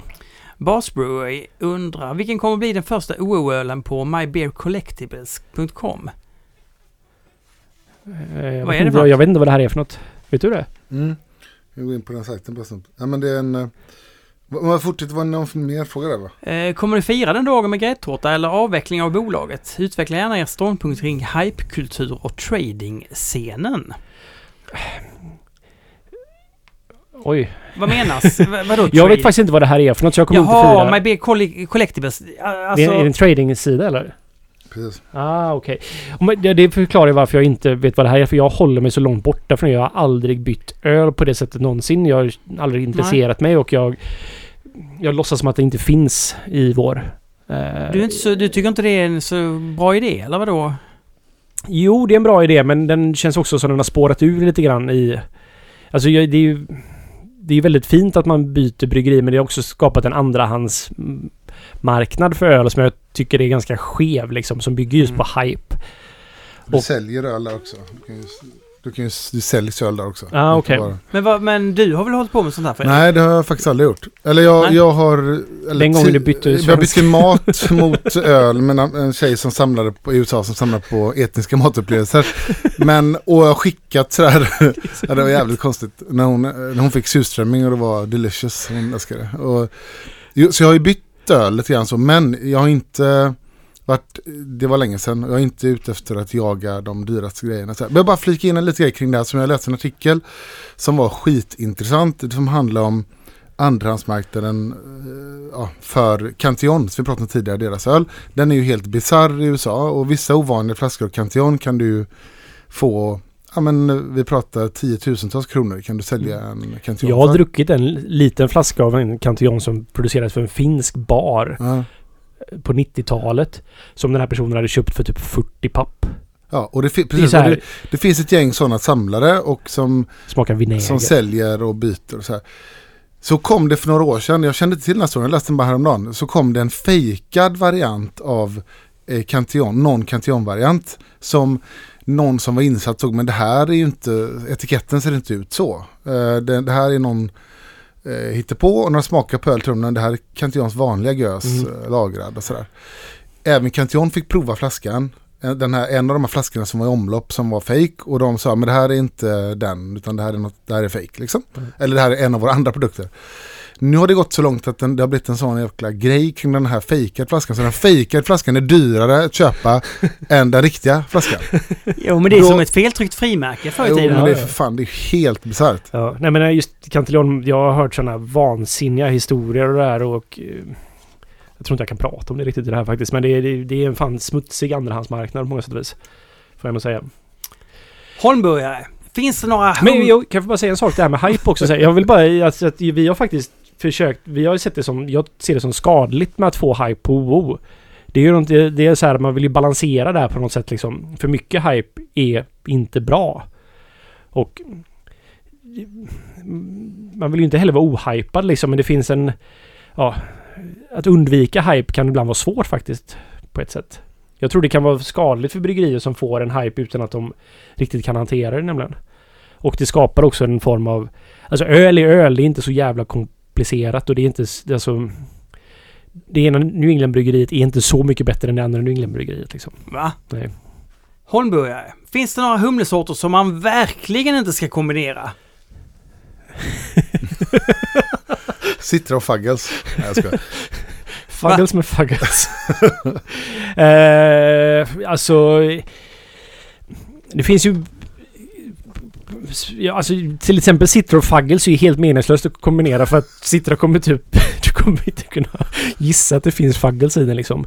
Det är ju snarare att man kanske kan använda för mycket av vissa humlesorter i balans till andra och sådär. Så att Mm. ha pyttelite Citra och jättemycket Fuggles eller använda bara för mycket Fuggles i allmänhet är inte så bra. Jag skulle inte göra en dubbel-IPA med bara Fuggles. Kan du inte göra det? Undrar också, är det bäst med burk eller flaska? Vadå generellt? Ur miljösynpunkt så skulle jag säga att burk är bättre, men kvalitetsmässigt så... Man hävdar ju oftast så här att burk är bättre ur kvalitetssynpunkt, men det stämmer för mig inte riktigt så här att det är det. Flaska är väldigt bra, men det är ju tungt och tar mycket plats liksom. Alltså burk är ju ett väldigt optimalt sätt att utrymmesmässigt och viktmässigt förvara öl liksom. Och ur kvalitetssynpunkt. Så att burk är ju bättre om man bara tar in alla aspekter. Inget ljusinsläpp? Jo, men om du bara har i Ja. en låda så är det lugnt liksom. Ja, du- du, förutsätter att man får vara det rätt då? Ja, precis. Så att, men liksom bara det här, man ska inte döma ut flaskan och, eller tro att kvaliteten på ölen om man hanterar dem lika bra liksom kallt och Ja, ja, okej. utan ljus så det är lättare att få lägre det, alltså syrenivåer i en eh, flaska än en burk. Med, med state of the art liksom paketeringsmaskiner. Så är det, Frågan är lite komplex och svaret är komplext då. Ja, det beror på hur man hanterar Ja. ölen. men eh, Undrar också om det blir en varm sommar. fan, det, jag tror det. Öldogboken, en ölstil resten av livet. Vilken? Det är saison på dig Fredrik. Mm. Ja, men det blir... Ja... Porter eller saison. Porter saison. Mm, jag är nog kanske mer åt eh, riktigt hazy IPA. Pad, Peddad 83. Hur går det med planerna för ett OO Taproom? Blir det något? Eh, det planeras. Det är André, det jag har. Andreas J Lunden. Olle pratar ibland om att han ändrat i recepten på sina öl. Har Systembolaget någon kontroll på att en öl smakar likadant? Eller kan ett bryggeri ändra hur man vill? Eh, jag vet faktiskt inte, men det är ju... Det det är ju väldigt spännande. Med, med ölen i TSL så tror jag vi får ändra ganska mycket hur vi vill liksom. Det är ju för det är upp till oss att vi den bara... Det, är- den är ju liksom där på ett helt annat sätt men... Till Pivot Pill, Pivot Pill som vi vann en offert med. Om vi helt plötsligt skulle ändra den för mycket så skulle Systembolaget sluta sälja den. Fast vad är för mycket då? För det är frågan. Ja, det är, det är frågan. För det här är ju en, är en ganska känslig fråga skulle jag gissa det här. För att jag kan ju tycka att många bryggerier skickar in eh, eh, alltså typ de jäser på en brau... Eller brygger på en liten Braumeister. Skickar in till en lansering. Vinner lanseringen. Och så sen ska de göra det här i Ja. superstor skala. Det kommer inte ens bli i närheten samma öl. Ja, och det där, jag har varit med om det i flera gånger när jag har varit på Systembolaget och provat eh, ny, alltså lanseringar, julöl eller eh, nyheter och sådär. Och, och så vet man att det här har gjorts i 20-50 liter och sen Mm. så, så kanske man tycker att det är jättegott eller jätteäckligt och så ska man skriva en recension baserat på det. Mm. Och sen kommer det riktiga, eller stora batchen några veckor senare så är det inte alls samma öl. Det är ju jättesvårt. Nej men alltså sen, hela inköpsprocessen på Systembolaget är ju någonting som inte passar oss småbryggerier alls. Den är ju helt bakvänd. Så att det är ju så här, det är, jag, jag, det är så... Alltså jag kan bli ganska irriterad på att det fungerar som det fungerar faktiskt. Vi har ju som, vi skickar ju alltid in öl vi brygger på stor skala liksom. Men ibland om vi ser någonting, alltså om vi, ofta så helst vill vi skicka in öl som vi redan har i vårt sortiment. Men Systembolaget kommer med väldigt specifika såna här lanseringar ibland som är så här att ja men det där skulle jag ändå vilja göra liksom och då måste vi brygga en batch av det. Och så plötsligt så kan man ju se som att så här vad mycket Schwarzbier det fanns på marknaden här nu. Mm. Och då är det för att alla bryggerier har byggt, bryggt en batch Schwarzbier för att skicka in till en Systembolaget. Mm. Sen så finns det helt plötsligt inga Schwarzbier längre. Så det blir väldigt konstigt. Det blir så styrd marknad. Det blir inte en naturlig marknad. Det är roligare om vi kan brygga vad vi vill och få lansera precis hur vi vill. Så det varit på riktig marknad. Och så får konsumenterna avgöra om det flyger eller inte flyger. Mm, hur Mm. mycket man ändrar. Fredrik Ek gillar verkligen i motsats till Olle frukt i IPA såsom Poppes Passion Pale Ale, Spike Brewer Mango Fandango och Pang Pang Brewer Mango Problem. Brygger mycket själv och har misslyckats flera gånger med att tillsätta frukt och det alltid resulterar att ölen blir sur. Antar att det beror på att gästen äter upp sockret från frukten och kvar blir det sura. Men ingen av de tidigare nämnda är alls sur. Jag antar att det inte går att få fram de smakerna med enbart humle, så jag undrar, hur gör man? Vi pratade lite om det här. Och det är nog helt korrekt det här att hans analys av att han har haft i massa frukt. Eh, sötman i frukten ger sig upp och eh, kvar är då syra. För syra finns i frukt väldigt mycket liksom. Mm. Att det inte smakar lika surt. Eller citron är såklart sur men det är ju att sockret balanserar syran. Eh, jag vet inte riktigt. Jag har som sagt jag tycker inte det här är så gott. Men ehm, det kan ju vara så att man använder eh, inte riktig frukt. Ja, alltså få Fredrik, här får, här får du tänka på att du ska inte ha i frukt när du gör en fruktipa. Du ska ju ha i en essens eller något annat som, som inte har det syrliga. Ja men lite som Olle sa, eh, frukt har ju jättelågt, de mest, mycket frukt har jättelågt pH. Och den, så den kommer ju sänka pH. Och hembryggare tenderar ju också att ha när de gör något sånt, kanske ha mycket, mycket mer frukt än vad ett kommersiellt bryggeri har. Ja, och kommersiella precis. bryggerier, många av de här, jag ska inte säga vilket, men något exempel han nämnde där, kan, har rimligen inte eh, riktigt frukt i. Eller de kanske har en, eh, en eh, arom också och kanske någon form av eh, saft eller något som inte är ren puré eller så. Mm, mm. Det, och det, då, då får du inte ner syran lika mycket om du skulle använda arom, sänker ju inte syran. Jag, jag, han borde kanske testa att ha lite mindre frukt. För jag tror ändå frukt, man kommer ganska långt med frukt liksom. Va, vad säger du nu? Att man har lite mindre frukt i. Ja, ja, men att man kan... Ja, okej. Men sen kan det vara, förlåt, en sista, om du Ja, ja, som hembryggare använder frukt som inte är pasteuriserad så kan det ju finnas eh, saker där i som, som tar över i jäsningen också så att det blir lakt och grejer. Det är ju inte omöjligt. Vi har ju ett exempel när du gjorde Narangi första gången, hade i apelsinzest. Mm. Eh, och sen så bryggde du den utan apelsinzest. Mm. Och du tyckte att du fick en bättre, mer apelsinig ton. Nej, så var det inte Martin. Nej, Nej, utan det var det inte. Nej. jag hade i apelsinzest i torrhumlingen. Jag la faktiskt apelsinzesten i eh, vodka innan för att sterilisera den. Ja. Så det blev kanske lite vodka i den batchen också. Ja. Eh, men det som var problemet var att Alltså när vi, när vi torrhumlade då. Då hade vi torrhumlade, sen så efter torrhumlingen, sista...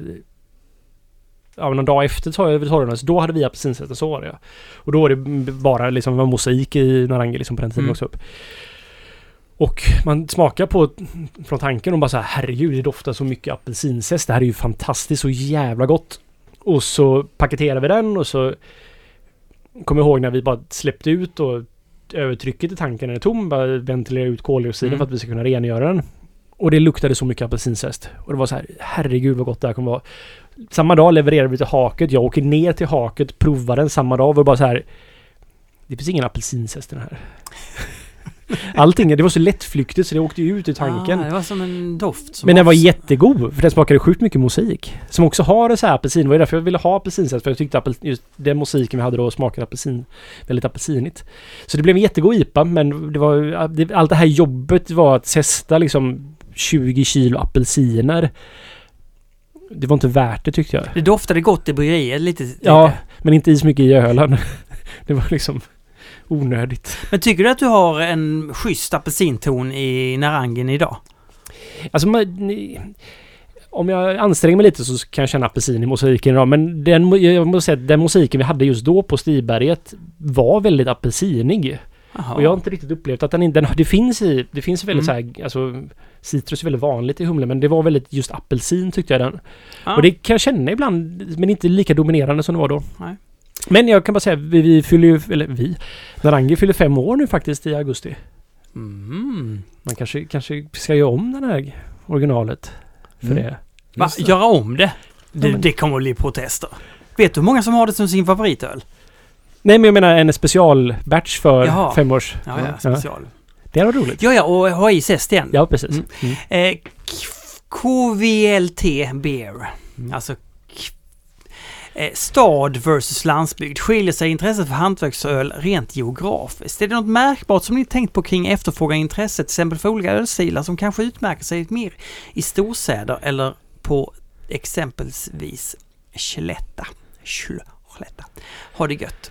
Eh, ja, känner ni en stad-landsbygd? eh, Alltså, skillnad.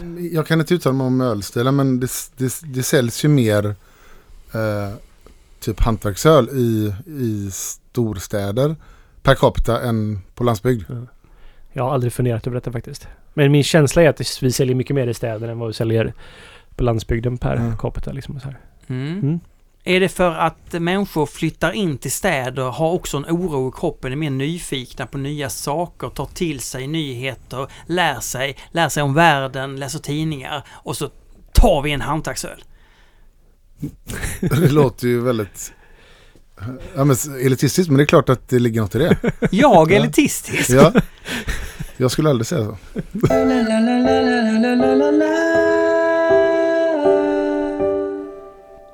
Humledagboken. Har ni läst den eller? Nej. Olles tre största aha-upplevelser som hembryggare. Eh, frågar Humledagboken. Eh, som hem, fan jag minns inte. Det, var, det, det hände så mycket. Det gick så snabbt där för jag började brygga så intensivt liksom. När jag väl... Så det, det gick... Ja men, ta någon. Bara plocka någon ur. En aha-upplevelse, men det var ju mer egentligen jag var rikt... När jag jobbade kom, Alltså jag... Ingen, vi skiter i hembryggning, vi, vi tar det som... Ja, ja. Ja. För jag var ju typ som hembryggare när jag började professionellt liksom. Det var Ja. helt sjukt hur dålig man var på att brygga öl egentligen. När man fick jobb på ett bryggeri. Men en grej var så här, ja, men hur faktiskt, alltså att sitt, bara för att det heter citra så betyder inte det att det smakar precis så att humle är väldigt individuellt och att färskhet och kvalitet, hur viktigt det faktiskt är där och hur mycket dålig humle det fanns på marknaden just då. Ja. Den är, nu för tiden är humlemarknaden mycket, mycket bättre. Det har blivit enormt mycket bättre på Aha. fem år liksom. Ja, men du har alltid pratat om ju vikt. Ja. vikt. Så det var en Ja. aha-upplevelse. En aha-upplevelse var när jag av misstag typ började spunda öl. Inte misstag, men det var som att så här, det var ju ett sätt för att spara tid Mm. och pengar egentligen att spunda ölen. För det ska man inte göra. Det kan man göra med pilsner för det är liksom tysk Spunda, då gör Ja, man... då eh, man slut, man liksom bungar ölen. Man, när man slutar på jäsningen så sätter man tryck på den. Ja. Eller så här, man låter Mm. trycket byggas upp i ölen Mm. så den naturligt kolsyras av jäsningen. Ja. Och hur bra det var för torrhumling. det var sån här, för det var ju något jag gjorde på ale och det kändes ju fel. För det var ju en genväg man tog. Det ska man inte göra på ale utan man ska göra på lager och man för en finare. Men det var ju som att så här pressa ut torrhumlingen på ett Mm. sätt. Så det var som så här, ha, titta där. Mm. Mm. Och det byggde på att vi kunde, för att många bryggerier... Alltså ett torrhumla under tryck är ju farligt om man inte har en form av sluss liksom. Och det var Mm. att vi fick det av vår... Det var sån här, vi var ju väldigt tidiga med att ha en sån här grej som väldigt många bryggerier har nu. Jag Mm. tror inte det, det har varit en, det är nästan som en svensk grej. Okej. Faktiskt, jag har inte... Nu för tiden finns det nog bland andra bryggerier, men liksom... När jag förklarar för andra bryggare hur vi gjorde det här, de bara det där är ju briljant och det är det faktiskt. Det var inte min idé utan det var ju vår, han som byggde vårt bryggverk. Han bara jag gjorde den här grejen till er så kan ni liksom torrhumla, för jag vet att ni så här jäser under tryck. Så kan ni torrhumla under tryck också. Ja. Jag bara ah, smart, jag har aldrig tänkt på. Men det är ju jätteroligt, för, äh, jättekort anekdot när äh, Rick Lindqvist vann äh, med SM hembryggning med ett öl för massa år sedan.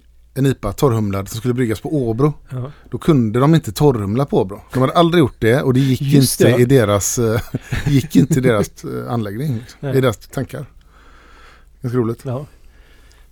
Det var två. Ja, ehm, en tredje aha-upplevelse var... Alltså... mm, Fan. Jo, jag har faktiskt en grej som jag tyckte var väldigt så här...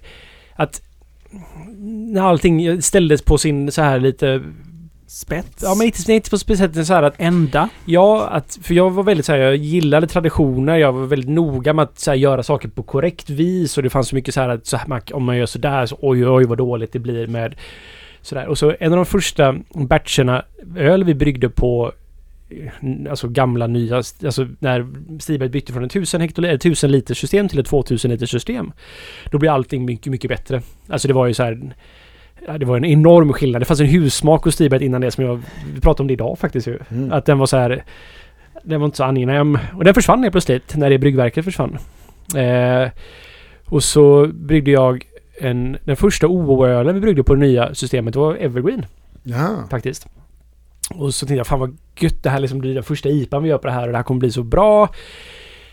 Men det vi hade gjort då när vi, vi hade kopplat på oss på en ny vattenledning för vi behövde mycket högre vattentryck då. Det här är ju ett eh, hyreshus och det är liksom inte så här... Det är, ja, det är lite begränsningar där så vi kopplade på oss direkt på stommen. Så vi kunde fylla vår hetvattentank mycket snabbare och sådana saker. Det gjorde att den här gamla rören utanför huset eh, kollapsade mer eller mindre. För att, ja men det blev så mycket högre flöde då så att de här Ja, gamla ja, gjutjärnsrören Ja. alltså de, de gick sönder liksom. Mm. Så när jag håller på och kyler då som är väldigt vattenintensivt så märker jag så här, fan vad mycket jag måste ha kranen uppe liksom för att den ska kyla då för det är ju den som reglerar Mm. flödet in till plattvärmeväxlaren. Och då börjar jag inse så här att det här är inte normalt, någonting är fel. Rickard då som är ägaren till Stiberget ringer mig och bara säger gör du någonting med vattnet just nu? Jag bara, "Ja, jag kyler, vadå? Nej, för jag duschar och det kommer inget vatten, eller så här, vattnet bara så här trycket full. Jag bara okej.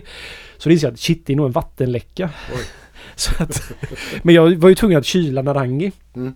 Jag tror den kylningen tog en och en halv timme. Vilket är Okej. så här, den ska ju ta en halvtimme egentligen och det är inte alls bra. Blir en väldigt besk. Jo, det blev den. Och eh, så det blev en lång dag, jag blev väldigt trött och det var som att det, det kom en massa arga grannar och var så här. Mm. Vad gör du? Jag bara så här, jag gör ingenting. Fast jag gjorde ju det, jag tog ju allt vatten från hela huset. Jag dränerade ju för att vatten... Ja, ja. Jag tog ju vattnet som fanns kvar i huset för att kyla ölen då. Mm. För att det kom inte in något nytt vatten i huset. Är det sex våningar på det Ja, huset? precis. Så att, eh, men ja, men... Gjorde du det? Ja, I, hus, I entrén bredvid om du tänker... Ja, just det. Ja. Ja. Men och sen så, så jag var ganska trött, blev väldigt sen för jag brygger oftast OOs öl på kvällar liksom efter det här liksom så att det var... Ja, och så... Eh, jag gör ett ganska stor tabbe då när jag går härifrån. Mhm. Jag vi, man, man låter ju liksom, man sätter en slang på sipparmen på tanken. Och så får den bubbla ner då i en hink så man ser att aktiviteten är som ett jäsvattenlås då helt enkelt. Och där har vi en ventil. Så jag liksom förbereder allting, Sen slang ner i en vattenhink och jag går hem. Så kommer jag in då på måndagen, efter det här var en fredag, så kommer jag in på måndag. Och så bara så här, fan, glömde jag pitcha gäst i Evergreen? För det, var inget, det bubblade inte. Och jag bara helvete. Och så typ så här tar jag ett smakprov från tanken och bara kommer ut så här vitt skum. Jag undrar vad fan, vad, vad händer typ? Då inser jag att jag inte haft ventilen öppen så det har varit stängd hela jäsningen. Mhm. Och Så, och vi hade då tryckventiler på tankarna. Mm. Alltså som är så här säkerhetsventiler som går vid två bar. Så för det var maxtrycket på en tank då. För, fast de klarar mycket, mycket mer. Men där går det egentligen. Så att den hade ju börjat jäsa. Och spundats av misstag. Från, från första början. Så den hade spundats i två bar, vilket är mycket högre än vad jag skulle spunda en öl normalt till. Och så har jag gjort det från början, vilket jag brukar bara brukar göra på slutet. Ah. Och det här var också innan vi hade faktiskt börjat med spunningen på riktigt liksom så här. Så jag bara så här, helvete, jag får ju dumpa den här ölen. Men så har jag släppt ut trycket långsamt och så här, ja. Smaken på ölen var så här, fan det här smakar ganska gott. Den är beskare än normalt, men det gör ingenting på Evergreen. Och eh, det blev en helt okej öl som sen vann guld i IPA-kategorin på öl och whiskymässan. Men var det den batchen? Ja, Jaha. så då blev det så här, fan vissa saker spelar inte så jävla stor roll egentligen. Nej, eller att misstag kan ju Den blev bra. jättegod den Ja. ölen faktiskt, batchen. Det var inte, den förtjänade att vinna guld tycker jag, men det var så här att det var det var nästan lite pinsamt så här. Jag kan göra nu i efterhand erkänna hur mycket fel det blev med just den batchen, men Eller så får du göra det igen eftersom det blev bra. ja. ja men jag började faktiskt med bäska i den efter det. Ja. Ja. Sådär. Patalomol. Svensk hantverksöl har kommit långt på många plan, men vad tycker ni saknas på den svenska ölscenen? Mm. Vadå, det saknas väl ingenting? Jo, men det saknas... Saknas det någonting? Jag skulle säga en fri marknad. Fri marknad. Så ett, jag saknar ett icke-systembolag, att man har gårdsförsäljning. Det skulle göra väldigt mycket för svensk ölkultur. Vad säger du om ett systembolag och gårdsförsäljning? Bättre än ingen gårdsförsäljning. Jag, jag tror mer på Mm. kombinationen. Men, då är det något, an- något annat eh, du tänker på Fredrik? Ja, det, det saknas ju eh, viss diversifiering på i vad som bryggs, tycker jag. Men det tror jag skulle hända om... eh, För nu blir det som att allting blir så strömlinjeformat för Systembolaget och man måste ta det säkra före det osäkra. Så alla brygger lite samma för att det är lite det som fungerar. Mm. Ja, det blir ju ett, ett tryck som leder till det. Eh, mm. Och som sagt, mer, mindre regler och skulle vara bra. Bearded Gents, vilka låtar lyssnar ni helst till när ni avnjuter en god öl? Det- FX Twin, Selected Ambient Work 2 som jag alltid svarar när det kommer till. Jag började lyssna på en eh, artist igår faktiskt. Jag kan nog inte lyssna kanske på det här om en månad men jag tycker det var väldigt roligt. För det var liksom ironisk country tror jag. Ironisk country. Ja, Ja. C.V. McCall hette han. Ja. hade en bra låt som hette Convoy och en annan låt som hette There is no country music no more eller liknande sådär. Så det kan man, det, det funkar rätt bra när jag drack Mm. öl igår nämligen. Det, det beror ju på vad, vad, vad man ska dricka tänker jag. När jag började prova öl, jag hittade den skivan för inte så länge sedan, så var jag och två kompisar började prova. Ena killen var formgivare så vi, och vi var musikintresserade, väldigt musikintresserade. Så då gjorde vi en ölprovarskiva. Men, Och som är jätteseriös liksom. Där vi, det här var 96 och så valde vi fem låtar var. Och det här vi var jättepretentiöst, var mycket så här jazz och sånt. ja, men det, Så, och när vi satt och provade öl, då satte vi alltid på den skivan. Det är så jävla Kan pretentiöst. du Alltså, skapa jag- en Spotify-playlist Ja, och med den lägga här? Jag upp kan i lägga upp den. Ja. Jag kan lägga upp hela den och lägga ut Ja. en bild på den skivan ska ni få se. Mm. Eh, Men jag lyssnar gärna på mm, Pat Metheny när jag dricker öl. Om jag ska tänka på ölen. Ska jag inte tänka så lyssnar jag på Van Halen. Ja, jag har inget svar för att eh, nej, jag lyssnar, jag, jag lyssnar inte på musik. Lyssna på dig själv. Du, du är självgod, du lyssnar på dig själv. Nej, men jag, jag, jag, ofta är det ju när man, man dricker till mat. Man är, ute, man är ute på gården och pratar med, med sin fru. Alltså musik, jag vet inte. Robert Andersson privat. Vad anser Olle och Fredrik om att använda laktos i öl? Eh, kan man göra. Inte så mycket kanske. ja. Nej men lite När, såhär, kan jag... det, när, när blir det bra då? En milkstout så blir det bra. Jag, Mm. fan, jag drack en öl från Alltså jag, jag har ju hatat på laktos för det är för att jag... Det, det, det, jag tycker har inte, du, jag, tycker, jag, tycker, har du. ja, jag tycker inte det är så gott i IPA nämligen. Jag tycker inte IPA behöver sötma på det sättet. Nej. Men Bad Seed Brewing är ett bryggeri på Jylland utanför Ålborg någonstans där tror jag det är. Väldigt supersympatisk kille. Han har ett jätte... Om man får tag i hans öl, köp den. Men han... Eh, han skickade lite öl till oss eh, Mm. för ett tag sedan. Och han hade en öl som heter Good Morning Vietnam som är typ en 8% milk stout med kaffe i. Mm. Och det var ganska mycket mjölksocker jag kände för det var ganska söt men fy fan vad gott det var. Och det var lite som att jag fick revidera att... För jag har aldrig varit en jättefan av milk stouts men det här var, det var så gott så att jag inte visste vad jag... Jag blev, arg, jag blev nästan arg liksom för Ja, att jag, kan det vara svingott i. A, eh, Akia eh, brygghus. Eh, ni känner till eh, Mm. Christian. Han, han, jag provade en jättebra milkstout som han gjorde. Den var också lite starkare, har jag för Ja. mig. Svingod, det passar väldigt bra där. Jag tycker också svårt för det IPA. Jag har också svårt för det när man gör väldigt muskliga impstout och sådär. För jag tycker det blir för klumpigt. Och ganska mycket, ganska ofta är det för mycket i. Så att jag tycker att det är man ska smart. ha det vid rätt tillfälle i Ja. lagom mycket. Ja. Exotic, ex, exotic Wildlife Sweden. Alltså vi pratar älgar, vi pratar björnar, vi pratar järven. Om man vill by- brygga en lager men bor i en lägenhet utan kallförråd, vad är då ert bästa tips på att få ner temperaturen i jäskärlet? Jag funderar på att köpa ett kylskåp till just det ändamålet. Ska jag? Ska Ja. jag inte? Ja, det ska. Ja, han Ja. köper ett kylskåp. Han ska köpa ett kylskåp. Ja, annars får, det är väldigt jobbigt men man kan ju, då får man ju hålla på och byta, om man har ett badkar och fyller, byter vatten eh, en gång om dagen och lägger i eh, isklabbar så kan du hålla ner till, men det blir ett jävla jobb i två veckor. Nej, exakt. du, har du gjort det någon Jag gång? har gjort det. Fast, eh, ja det har jag gjort. Men inte lageröl utan det är när, när det är för varmt på sommaren och jag inte hade kylskåp. Och skulle jäsa vid 18-19, då får man ju köra något sånt. Okej. Andreas Talltomten. Hej, jag tycker att kolsyran bidrar rejält till smaken. När jag smakar på färdigjäst öl som ska i fatet är smaken jolmig och man blir snabbt trött på den. Skulle aldrig åka sätta mig i ett helt glas. Men när det är kolsyrat, oj så gott! Samma sak med kolsyrat vatten, blir ju mycket vuxnare smak bara man kolsyrat. Har ni någon kommentar kring med funderingar? Och så finns det väl fler sätt att kolsyra, till exempel med kväve. Hur påverkar det smak? Alltså, jag, jag ska säga så här. Jag håller med! Jag, jag Alltså- tycker nästan tvärtom. Alltså, bland det godaste som kan finnas det är att dricka ett öl från, ibland när jag har bryggt själv och dricker öl från, när det är liksom direkt från jäsning kan ju vara helt bisarrt. Alltså jag vet ju att väldigt många eh, bryggare gillar öl som är lite mindre kolsyrat, bland annat du Olle.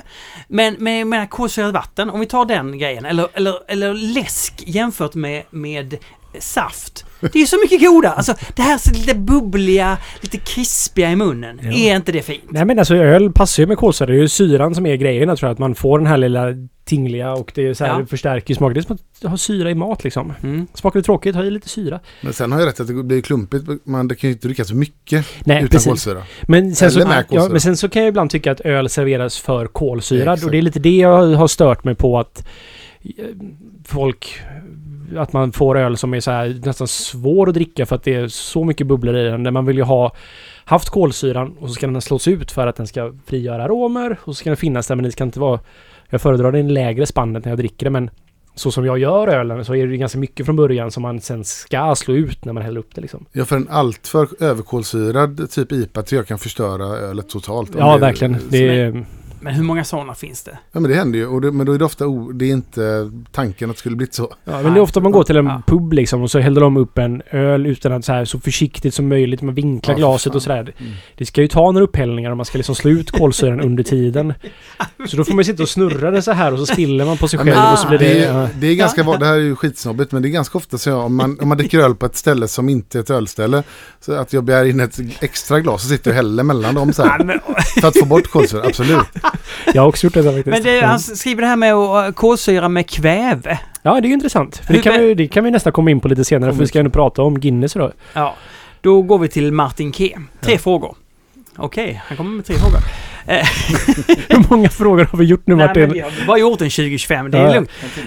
Eh, om man eh, ska ha honung i ölet, när bör man lägga i det och måste det värmas upp före? Försvinner inte en massa bra saker och smak när det hettas upp? Eh, jo. Kan man torrhumla precis när ölet har blivit nedkylt och sam... kan, ska, vi- ska, Ja. vi- kan vi ta den första frågan? Ja, just det. Hade- Du var inte klar. Nej, nej, nej. nej. nej okej. Mm. Men eh, ja, det man, det man ska undvika att koka humlen för du kommer förlora väldigt mycket av honungens Mm. arom. Jag har landat i att, alltså jag vet inte vad jag håller på att experimentera rätt mycket humle för jag tycker det är en väldigt intressant ingrediens att ha i. Och det beror lite på att vi har Alex Ek, eh, The Attic Meadery nu hos Mm. oss. Han har fått upp ögonen för mig lite för hur fruktansvärt roligt det är med honung. Hur många olika smaker det finns på honung. Okej. Så det är ju två öl jag har honung i. Det är nektar. Som heter nektar. Det är ju hela konceptet med nektar. Då har jag apelsinblomsterhonung som är väldigt blommig, fin honung. Eh, och så har vi eh, Arctos Imperial Stout. Det har en form av spansk ljunghonung. För svensk ljunghonung är fan typ omöjligt att få tag i i de mängderna man behöver. Men den smakar som svensk ljunghonung ungefär. Men första Arctos alltså, jag gjorde så hade jag i det i jäskärlet. Alltså direkt när man har pitchat in jästen och fört över då från bryggverket och kylt ner det. Så tänkte jag men jag har med det här hela jäsningen för då sparar jag ju liksom så mycket som möjligt av honungens arom. Och Alex sa till mig det är inga problem. Kolsyran kommer lösa upp honungen som bildas under jäsning och det kommer vara så mycket turbulens där inne så den kommer liksom blandas ut ordentligt. Så jag hällde i då jättemycket honung i den här från toppen då liksom rakt ner i ölen. Och när jag skulle dumpa jäst på den här ölen, första versionen av Arctos, så kom det ingenting alls från bottenventilen. Jag bara så här, fan vad märkligt att jag liksom pluggat igen på det här sättet. Det brukar jag inte göra. Till slut märker jag att ja, men det kommer ändå någonting men det kommer väldigt trögflytande långsamt ut. Så att jag dumpar ut ungefär, om jag hade i 40 kilo honung tror jag hade i. 20 av dem dumpar jag ut direkt från botten av. Oj. Ja. Jaha. Så det var ett jävla slöseri med honung faktiskt. Ja. Så det jag gör nu är faktiskt att jag vill inte ha det i koket. Eh, men det är också bra för man kan, det kan finnas eh, saker som kan infektera ölen i honung, även om det är ganska liten chans för det. Men så nu har jag det i hopbacken, Mm. vilket är ett, för oss ett, alltså det, jag älskar att ha en hopback för man det gör så mycket Får så mycket variation man kan göra med liksom. Så då tar vi ut den där. Vanligtvis har vi ju kottar då i hopbackar, men det är som ett eh, man bara tar en annan väg när det ska till plattformväxlaren för kylas. Då tar vi in det där och där blandar vi i honungen. Så då, den vörten går ju direkt in i plattvärmeväxlaren och inte hinner då avdunsta så mycket av romen och sådär. Och jag tycker det, för oss funkar det perfekt för att både i nektar och arktos nu så du känner honungen i det liksom. Och speciellt när det jäser så luktar det honung i hela bryggeriet. Det är fantastiskt det där. Kan man torrhumla precis när ölet har blivit nedkylt och samtidigt som man tillsätter jästen? Eller är detta en dum idé? Men varför i så fall? Ja, det här gör ju bryggerier. Jag har aldrig riktigt fastnat för det för jag tycker inte det blir så angenäm humleton. Jag får en väldigt ansträngd smak i, i ölen av att jäsa med humle. Jag torrhumlar ju när jag har dumpat ut jästen. Och, Mm. Men det är många bryggerier som torrhumlar under jäsning, ibland från start, ibland mot slutet och sådär. Men man får prova själv och avgöra. Jag tycker inte det blir så gott. Men Det är- Är det effektivt att göra det från start då? Jäsning? Det känns som att det skulle vara jag tror det är ett sätt för, för ofta vill ju bryggerier Um, har mycket humle och så kan det vara farligt. Man kan få geisrar som kommer upp och sådär liksom om man har i då med, om det är mycket kolsyra i ölen. Så det är ett sätt att få i mycket humle. Men ja, du får ju mycket den här liksom den här reaktionen då som sker mellan humle och jäsning så du får de här riktigt fruktiga humle, tropiska humletonerna. Ska man få mer av det. Men jag, jag tycker inte det alltid blir, det kan bli lite för mycket av det liksom. Mm. Ni pratade i förra avsnittet om att vid sen giv av humle blir ölet grumligare. Vad finns det mer för saker som man kan göra för att få det så grumligt som möjligt? Vad bör undvikas? Det handlar väldigt mycket om att använda rätt typ av jäst om du vill ha grumlighet. Du ska väl ha i vetemjöl? Det var ju länge ett rykte att det var en massa bryggerier som hade vetemjöl i, i ölen. Och det, det var, jag tror det var Tired Hand som en gång gjorde en specialöl med det. Och sen blev det någon form av etablerad sån här sanning som inte alls var sanning.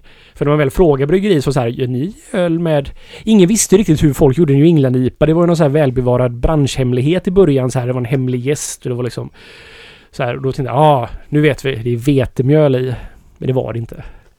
Men eh, alltså, men rätt gäst. Typ London Fog. London 3 från Y-East. S04 är också en haze och sådär. Men det är en timingfråga. Torrhumla varmare. Torrhumla liksom... Ja.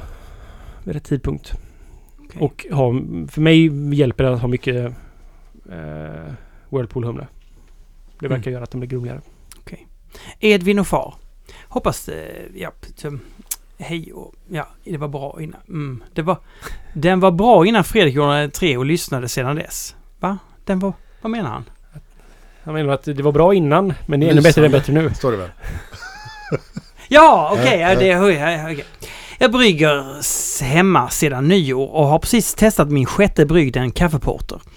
Vid ert testningsavsnitt i höstas testade ni en Imp Stout från min vän på La P som ni tyckte var trevlig. Den skulle kunna gynnas av att lagras lite men det som jag minns var att ni tyckte att den var lite syrlig med att Olle trodde det skulle kunna rättas till med en vattenbehandling. Nu till min fråga. Min porter blev också en aning syrlig. Om jag skulle prova vattenbehandling, vad gör jag? Hur många gram av vad ska man slänga i? Eh, av vad ska man slänga i? Hur vet man att, det, vad ens vatten innehåller? Eh, antingen kan man kolla med kommunen och veta vattnet för ofta så är det ju en egen, eller så här, du har de en, de vet vad vatten, vattnet innehåller. I alla fall på en generell, det går upp lite, eh, varierar över året. Har du egen brunn så borde du nog kolla det själv tror jag. Det kostar typ en tusenlapp för att skicka det på analys. Men det är ju sulfat, klorid och eh, alkalinitet man bryr sig om framförallt när det kommer till vattenbehandling. Eh, och det du behöver göra för att få en mm, få upp pH i en mörk öl, för mörk malt sänker pH mycket. Det är att du behöver buffra upp med alkanitet. Så desto mörkare öl du brygger, desto högre alkalinitet vill du ha. Och liksom på, ja, I England då så har man mycket alkalinitet för att det är kalkstensmark liksom. Så att därför blir det bra med mörk öl där och sådär. Men man kan då tillsätta egen alkalinitet om man inte har det naturligt i vattnet. I Göteborg så har vi 60 typ kalciumkarbonat. Och det är inte speciellt mycket men det är lite grann i alla fall. Så det gör att jag måste ha mjölksyra när jag brygger ljus öl. Och när jag brygger mörk öl så har jag släckt kalk i. Livsmedelklassat släktkalk. kalk. Kalk är ganska farligt att arbeta med. Det är frätande för lungor och liknande så man vill inte andas in det här dammet. Så man kan också använda kalciumkarbonat. Det går att köpa i alla hembryggarbutiker. Eh, det är mindre effektivt än släktkalk. Och jag upplevde det ofta som att när jag använde kalciumkarbonat att det inte riktigt hjälpte hela vägen hur mycket jag än... Det var diminishing returns på effekten liksom av det. Så även om jag hade i hur mycket som helst så fick jag inte upp pH till den nivån jag ville. Och där funkar släktkalk mycket bättre men det är farligt att använda. Så det ska man tillägga. Men helt okej att dricka. ja, ja, det är, det är inget farligt sen när det väl är färdigt öl liksom. Nej, det är den rena formpulvret är inte så bra. Jag tror det är så man gör lutfisk och grejer också faktiskt. Okej. Men jag är inte säker. Så det var typ det då. Ja. Jay-Z 003. Varför görs det så lite West Coast-IPA i Sverige? Då menar jag den goa tallbärstugga SD-style West Coast-IPAn som var allsmäktig innan eh, nejpan slog till. Säljer det inte eller kan svenska bryggerier bara inte brygga den? Samt vad skiljer det i själva bryggningen? Är det ena svårare, dyrare eller ungefär samma same rent bryggartekniskt? Jag röstar för mer West Coast IPA! Ja, jag tror ju att det, om man skulle kolla på Systembolagets försäljning och krogförsäljning så säljs det nog mer klassisk IPA så på det sättet än vad det säljs Hazy IPA ändå. det gör det. Det är ju att vi i vår bubbla det känns som allting är hazy här liksom. Och att 90% av Instagramfotona är hejsipa och att folk tycker det är så fin färg och Ja. säger det där, fan vad god den ser ut, vilken fin färg. Och så är det som gäller liksom. Alla göteborgare också. Ja. Ja, Alltid när något låter dumt så måste jag prata göteborgska. Är inte det här JC som också är ganska stor på Instagram? JC lägger ut mycket grejer på Instagram. Ja. Ja. Han, är han är populär på Instagram. Nej men eh, jag tror faktiskt, alltså jag har alltid tänkt att Hazy IPA också kommer liksom gå tillbaks lite från sin den här den här pendeln liksom att nu är vi så extremt hazy och tropiskt fruktigt att det kommer ändå svänga tillbaks lite grann mot en annan och eh, alltså vi gör ju en, som jag sa tidigare, att det är inte en West Coast IPA utan det är mer en IPA liksom. Jag är inspirerad av Bells Two Hearted och den typen av, eller med så här gamla mm, eh, Tree Floyd-IPor och sådär också liksom. Och eh, att den, är, den kommer vara klar då, Nova som vi släpper sen i, i juni nu. Och det är ju jäst då med Kalle alltså den klassiska ja, eh, amerikanska elgästen. Och då har jag också valt att fokusera mer på Chinook och Simcoe som är de här lite mer talliga, lite mer old school grapefrukt humlesorterna. Så det kommer ju komma tillbaks tror jag. Och det, det är bara att man... Och det är... Alltså jag reagerar, jag började brygga hazy IPA eller göra ett annan typ av IPA. Det hette ju inte New England då liksom utan det var bara så här att det bara kändes som att fan vad trött jag är på att all IPA smakar exakt likadant. Och nu då så är jag exakt lika trött på all New England IPA för att den smakar exakt likadant. Ja, Så att eh, man, man går cirkeln runt här så att ja. ja. Det kommer komma mer tror jag. ja Kommer det tror jag komma med. Och sen rent processmässigt så är det som att säga, ja, jag, jag torrhumlar lite kallare nu faktiskt. Mm. Och lite längre. Jag jäser ju med en annan gäst så det blir en annan. Mm. Jag balanserar malten på ett annat sätt också. Med Nova så... Jag kan nog inte riktigt helt landat i receptet där maltmässigt än för jag blev, blev kanske lite karamellig nu precis i början här. Ja, okej. Det kommer jag ta bort lite grann. Men det han frågar om pris, det måste ju vara billigare att. Jag, s- för oss är det inte det. Det är samma pris. Men jag tänker på humle är som drivande Jo, Kostnadsdrivare, liksom. eller okej, ja det är faktiskt sant. Humlen är nog lite billig, jag har inte ens tänkt på egentligen. Ja, för Mosik, Citra och Simco är bland de dyraste humlesorterna du kan köpa. Men jag tänker mer så här, förlåt, torrhumlings... En, intensiteten i en New Jag har lika mycket humle i West Coast. Jag hade aldrig... Torrhumlingsmässigt. Ja. Okej. Men alltså, sen så är ju inte vi, vi, om jag jämför mig med andra bryggerier, så här, de berättar hur mycket de torrhumlar sen i New England IPA så blir jag så här, oj, vad mycket humle det var där. Tänker inte på något speciellt. Nej, faktiskt inte. Du, eh, ja men och berättar du om skillnaderna på hur man brygger de här två? Alltså, ja, det, men det är ju en annan gäst och det är, eh, jag har lite mer humle under koket. Alltså jag delar upp det så här, på New England så är det väldigt fokuserat de sista 10 minuterna. Mer bittergiva i västkust. Precis, och mer eh, arom eller smakhumle också så här från 30 och neråt liksom. Då avslutar vi med Carl Janreds frågor. Bryggare på Spike. Mm. Är det bra att bryggerier eventuellt läggs ner i och med att marknaden mättas? Bra. Alltså jag, jag vet faktiskt inte. Jag tror det är ofrånkomligt. Men om det är, bra det inte, eller... Är det inte lite bra ändå? Alltså, I vilket perspektiv? för mig som... nej, alltså, ja, nej, jag vet inte. Så jag skulle väl uppskatta att det försvann lite bryggerier på grund av att det blir så fruktansvärt brusigt nu. Men det är inte som konsument utan det är mer som producent. Som konsument så gillar jag att det finns väldigt mycket. Men det kan också vara lite brusigt på ett sätt. På den, att det är så Ja. fruktansvärt många bryggerier nu. Det, är lite, det blir lite, man blir lite matt av att behöva sortera bland allting liksom. Ja, jag bara Det fanns ju en tid när man kunde namnet på alla bryggerier i Sverige i stort sett. Ja men det går inte längre. Och sen, jag vet inte, det kanske är cyniskt att säga så. Men det är klart att om de allra sämsta försvinner så kanske det är bra för scenen som helhet. För kvaliteten. Inte. Man skär bort de djupa dalarna. Alltså. Mhm. Fråga två. Kommer vi att sakna krogkedjor som tidigare har köpt in en del öl men som nu stänger igen? Vilka stänger igen då? Ja, Avenyfamiljen. Typ, de har ju inte köpt några. Nej, de har ju, Nej, köpte ju bara De så egen de öl på taket eller vad fan det är. Nej, de odlar humle på taket till 10 liter. Och sen, nej, de kommer ju starta upp igen såklart med ett nytt avtal med Spendrup. Så att eh, Eh, Så vi de kommer försvinner inte. inte Vi att kommer inte bli av med dem vi kommer inte Nej men tullen har ju köpt in mindre och sådana saker till exempel. Även Bishop Arms och de kedjorna. Men alltså jag vet inte. Jag, man ska väl akta sig för att hänga upp sin verksamhet på de företagen. Tänker jag. Mm. Att det är inte där man ska... Alltså det är jätteroligt att de köper öl och de når ut så, till så extremt många konsumenter. Så det är jättebra grej, men jag skulle inte basera min verksamhet på den typen av försäljning. Tre. Hur ser drömlandskapet för ett friskt ölsamhälle ut? Det svarade du ju på innan va? Precis. Fri marknad! Eller åtminstone inte ett systembolag så som vi har idag. Hade, tycker jag hade gjort mycket. Och ja, kunna sälja från bryggerier och sådär. Ett friskt ölsamhälle är väl att vi dricker mindre och får mindre alkoholism? Eller vad säger du om det? Ja, men... Ja, eh, till också. Precis. Eller ja. Mindre och bättre kvalitet helt enkelt. De som är alkoholister ska bli det på väldigt bra öl. Precis. Nej, jag säger så här. Kan vi inte... Kan vi det här med att öl ska vara så stark? Alltså dubbel-IPA. Vad är det för meningslöst med det? Alltså kan vi inte köra, kan vi inte köra svagare fyror, treor, tvåor? Vi görs ju det. Ja. Vi ja, det vill jag. Alltså jag uppskattar detta supermycket. Mm. Nej men det, det, jag tror på den trenden och jag tycker det är väldigt bra också. Att det är ju, där, där kan ju öl verkligen visa sin styrka. Eh, Alltså inte, box, inte alkohol Nej. utan sin... Så här, varför, öl som dryck liksom. Vin och andra drycker är så starka så man blir så full när man dricker mycket liksom. Öl kan man ju dricka rätt mycket av speciellt om det är lägre att man... Mm. Får man ju mer av det goda. I ren volym liksom.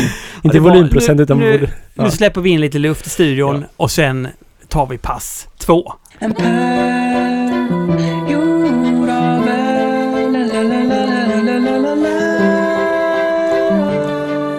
Här eh, månaden så är det alltså Dry Stout. Ja. Heter det så? Ja.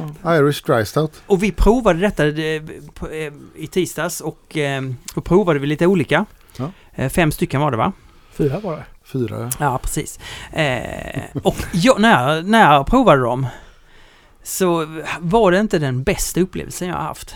Nej. Det kan ju vara för att jag tvingade i mig ett ostron som sen marinerade liksom gommen hela... Det var Ja. första gången du åt ostron va? Nej, det var faktiskt andra gången. Var det? Men Mm. första gången så då sa de verkligen till mig bara svälja det helt och så var det massor med eh, lök och citron och grejer på. Ja. Nu tog vi det väldigt naturellt här va. Och jag tuggade länge och väl. Ja. Och den här havs...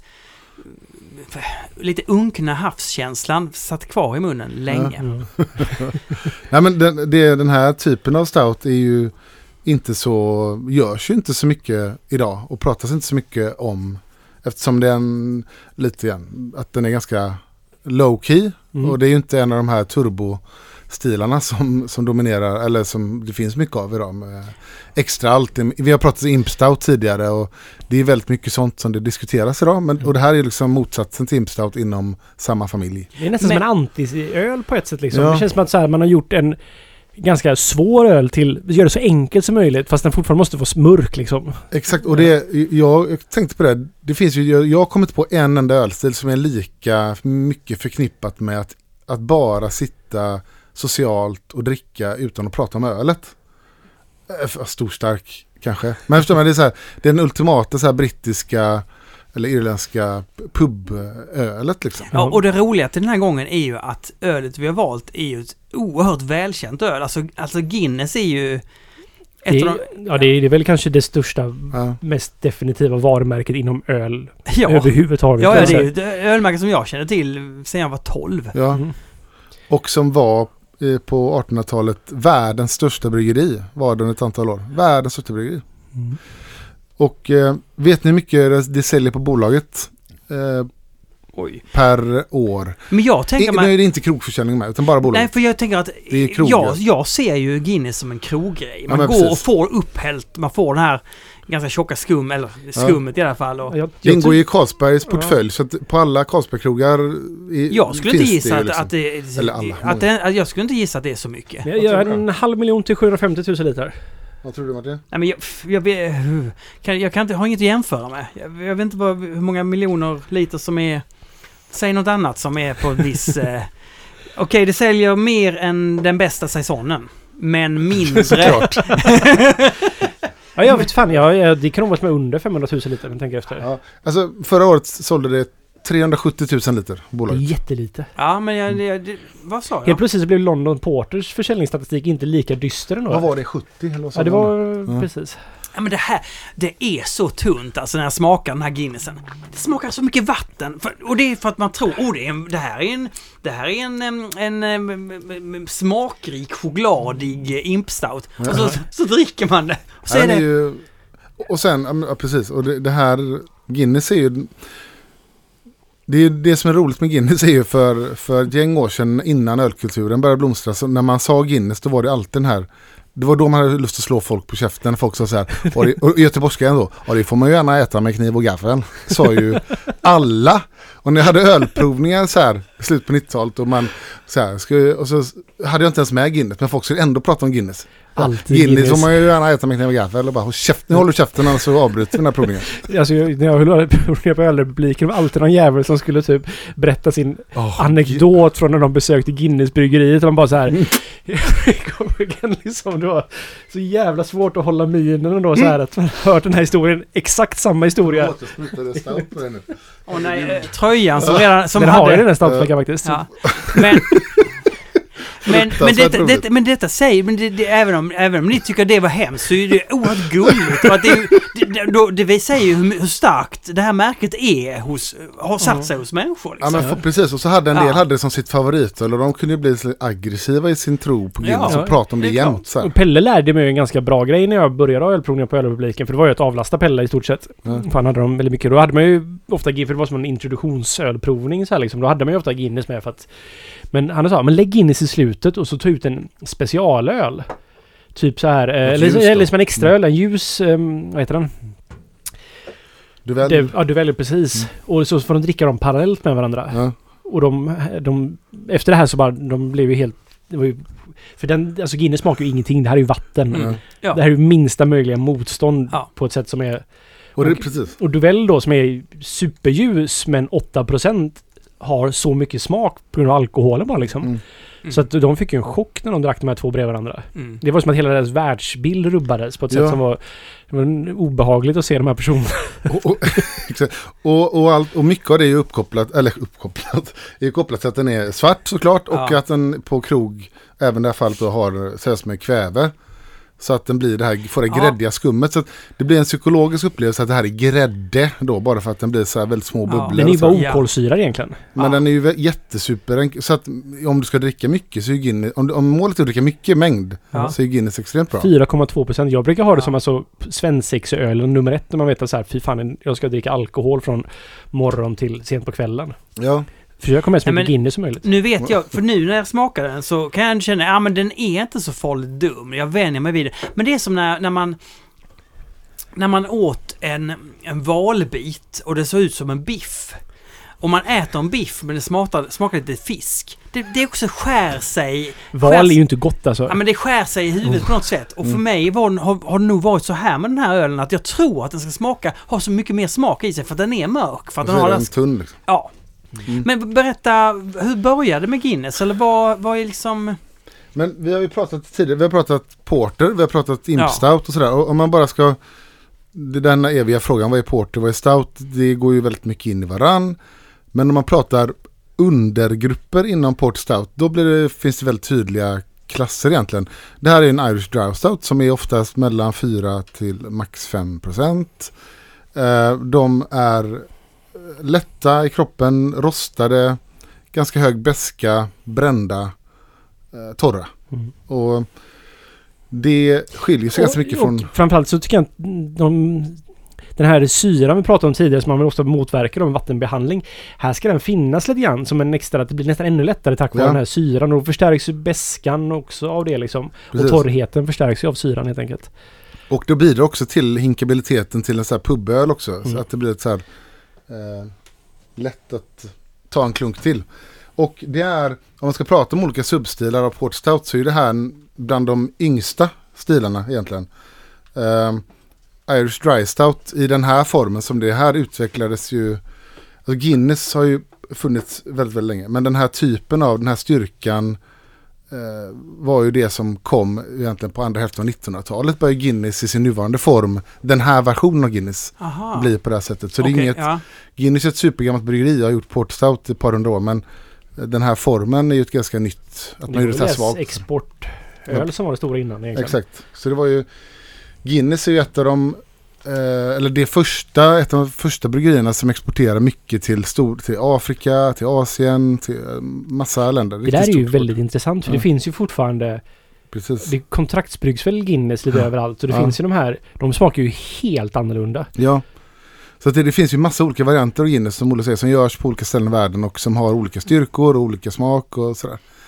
Ehm, men om man bara så kort backa eh, så så om vi tar porter, så porterbryggningen om vi börjar där. För det ordet porter var det som började användas när man bryggde i London.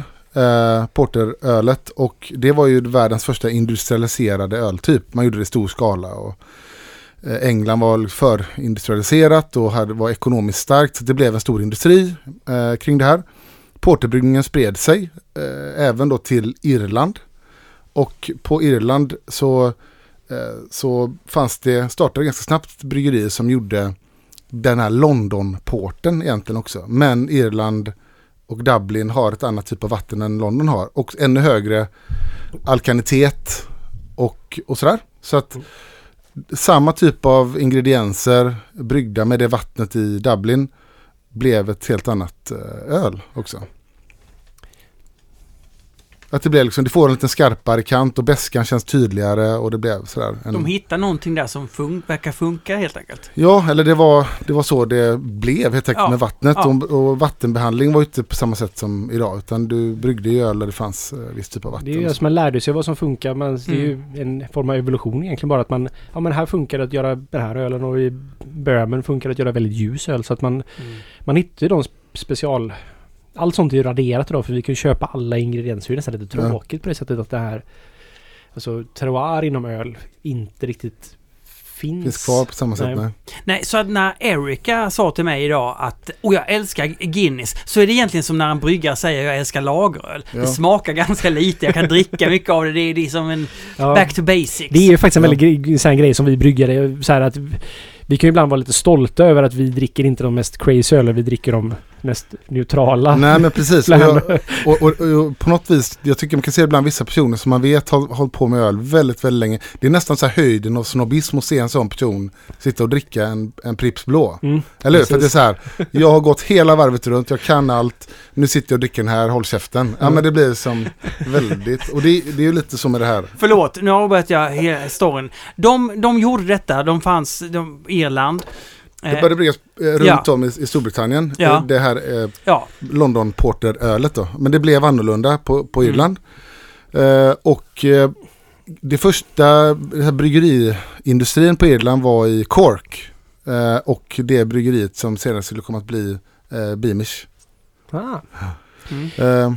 Sen så det här med stout, namnet stout. ja, Det är ju väldigt, det är ju som, jag kommer ihåg när jag började lära mig om öl mycket och det var så förvirrande på ett sätt som det är helt ologiskt egentligen. ja, så att stout från början, om man tar ordets innebörd ännu längre, längre tillbaka så betyder det, det betyder egentligen från början så här eh, stolt typ. Ja. Sen kom det att få innebörden stark. Ja, eller kraftig. Kraftig, liksom. Ja. stark. Så, Mm. man började, så den, när man gjorde en porter som var extra stark, då blev det en, eh, en, en stout porter. Och det, man kan också säga att stout också användes till all form av öl. Exakt. Även om all öl var nog ganska mörk på den tiden. Liksom, att det var ju inte så att man bryggde ljusöl, men man hade ju inte mältningstekniken för det. Utan, så det var ju så fort ölen hade lite mer kraft i sig, alltså alkohol, så var det en stout ale helt enkelt. Ja, ja. Exakt, så det gjordes ju brown ale som hette något med stout och Mm, sådär. Så mm. att, eh, från början var det ju inte en ölstil, det var någonting för att beteckna något som var lite Mm. kraftigare, starkare. Då. Ja, Så att egentligen var det på Irland som stout började bli ett, som ett begrepp, som en helt egen stil, där man på sikt började ta bort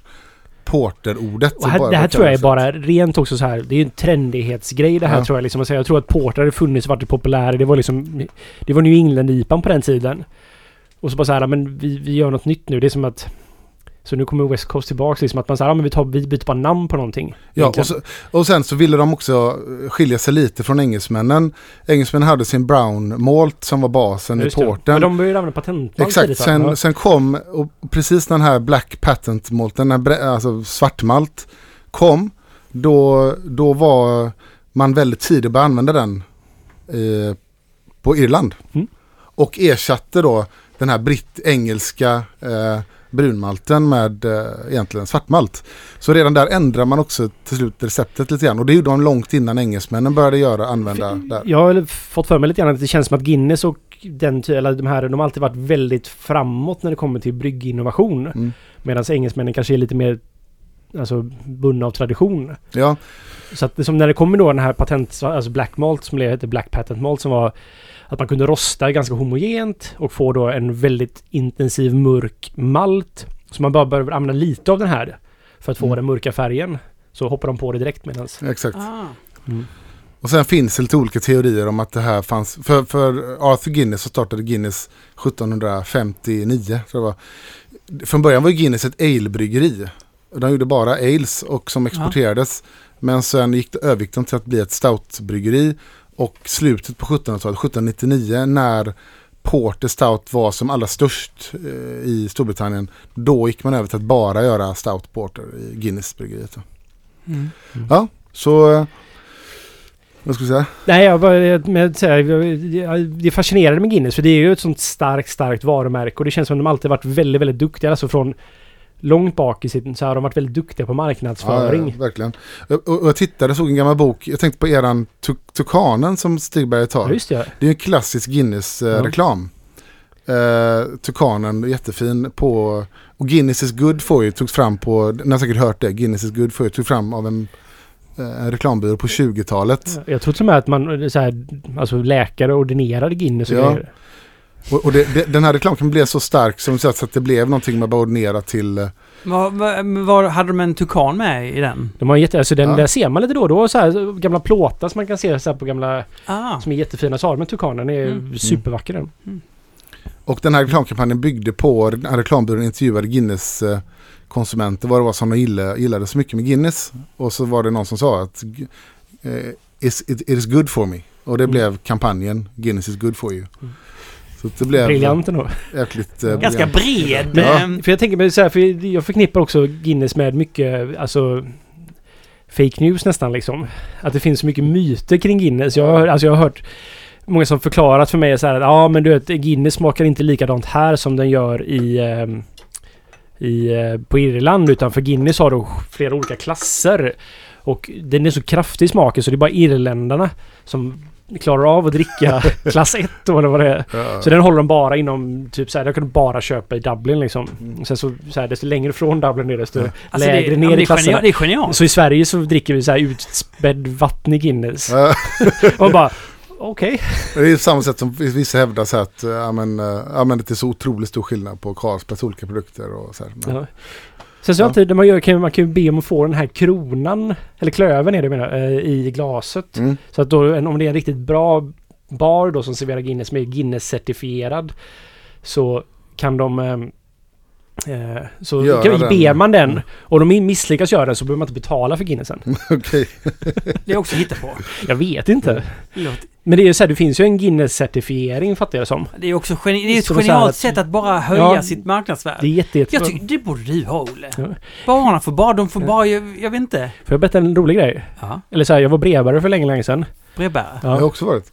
Och så hade jag en... Han hade ett väldigt roligt namn, han hette Ryan Bryan. Ryan Bryan. Var han brevbärare också? Nej, men han var var en, en som jag delade ut post till. Eh, Ja. Mitt distrikt. Och han ägde på den tiden Dubliners. Aha. Och vid ett tillfälle så hade jag massa post som jag tror var till honom. Det väldigt ofta så kom brev också till Brian Ryan som jag bara tog av honom. Jag kommer inte ihåg om han hette Brian Ryan eller Ryan Bryan. Ja, skitsamma. Var före och efter i alla fall som var upp. Och så jag hade en massa post. Jag ringde på så här för jag hade någon hemma. Så bara, fan är det här post till dig eller? Ja. Och då fick jag komma in. Ja. Han hade en Guinness-kran hemma. Okej, Ja. coolt. Det var, jag blev väldigt avundsjuk på det Ja. faktiskt. Det var liksom så här att det där ska jag också ha någon gång i framtiden. Ja, Ja. Nu har du möjlighet. det var möjligt. Det är inte lika Ja. attraktivt längre än när jag Av var lite äldre. Jag var väl Ja. 20 på den tiden och tyckte om öl väldigt, väldigt mycket. Ja, precis. Ja. Men, men blev, de, hur, blev de stora snabbt eller hur?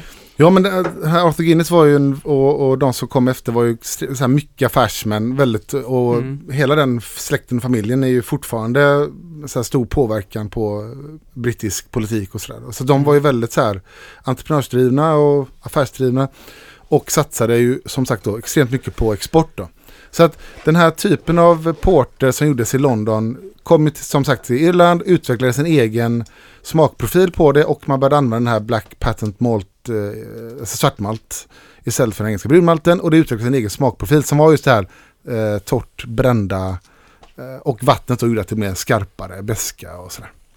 Så att det blev en egen smakprofil men det var inte förrän 1800, fan läste 1840 som eh, Guinness döpte om ölen och började inte kalla dem porter utan då blev det stout. Liksom. Så att stout som begrepp, som en egen ölstil kom ju ganska ja, över hundra år efter egentligen porten eh, kom som na- ölstilsnamn. Alltså stout användes ju innan som vi sa men för att beskriva Ja. styrka. Men är det Guinness som var först med att liksom använda stout i sin Att, att marknadsföring? ba, jag, tror, jag tror det, som bara kallade stout, vissa varianter. Jag tror det, om jag förstått det rätt.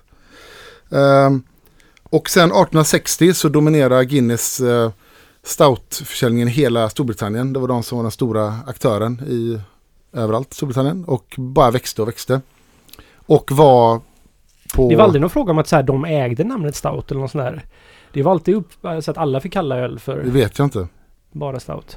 Nej, jag tror inte att de kan ha ägt det därför att Nej, det sen börjar ju Ann Murphys och sånt börjar också kalla sin öl Mm. för stout. Och eh, på På Irland är det lite kul, det är väl inte så längre tror jag, men det var så att, att Beamish var, eh, nu kan jag blanda ihop det, men det var något, antingen var det protestanternas bryggeri Mhm. och så var Murphys katolikernas bryggeri. Ah. Eller tvärtom, så det var väldigt så här drivet efter vad man, eh, vilken sida man eh, tillhörde då.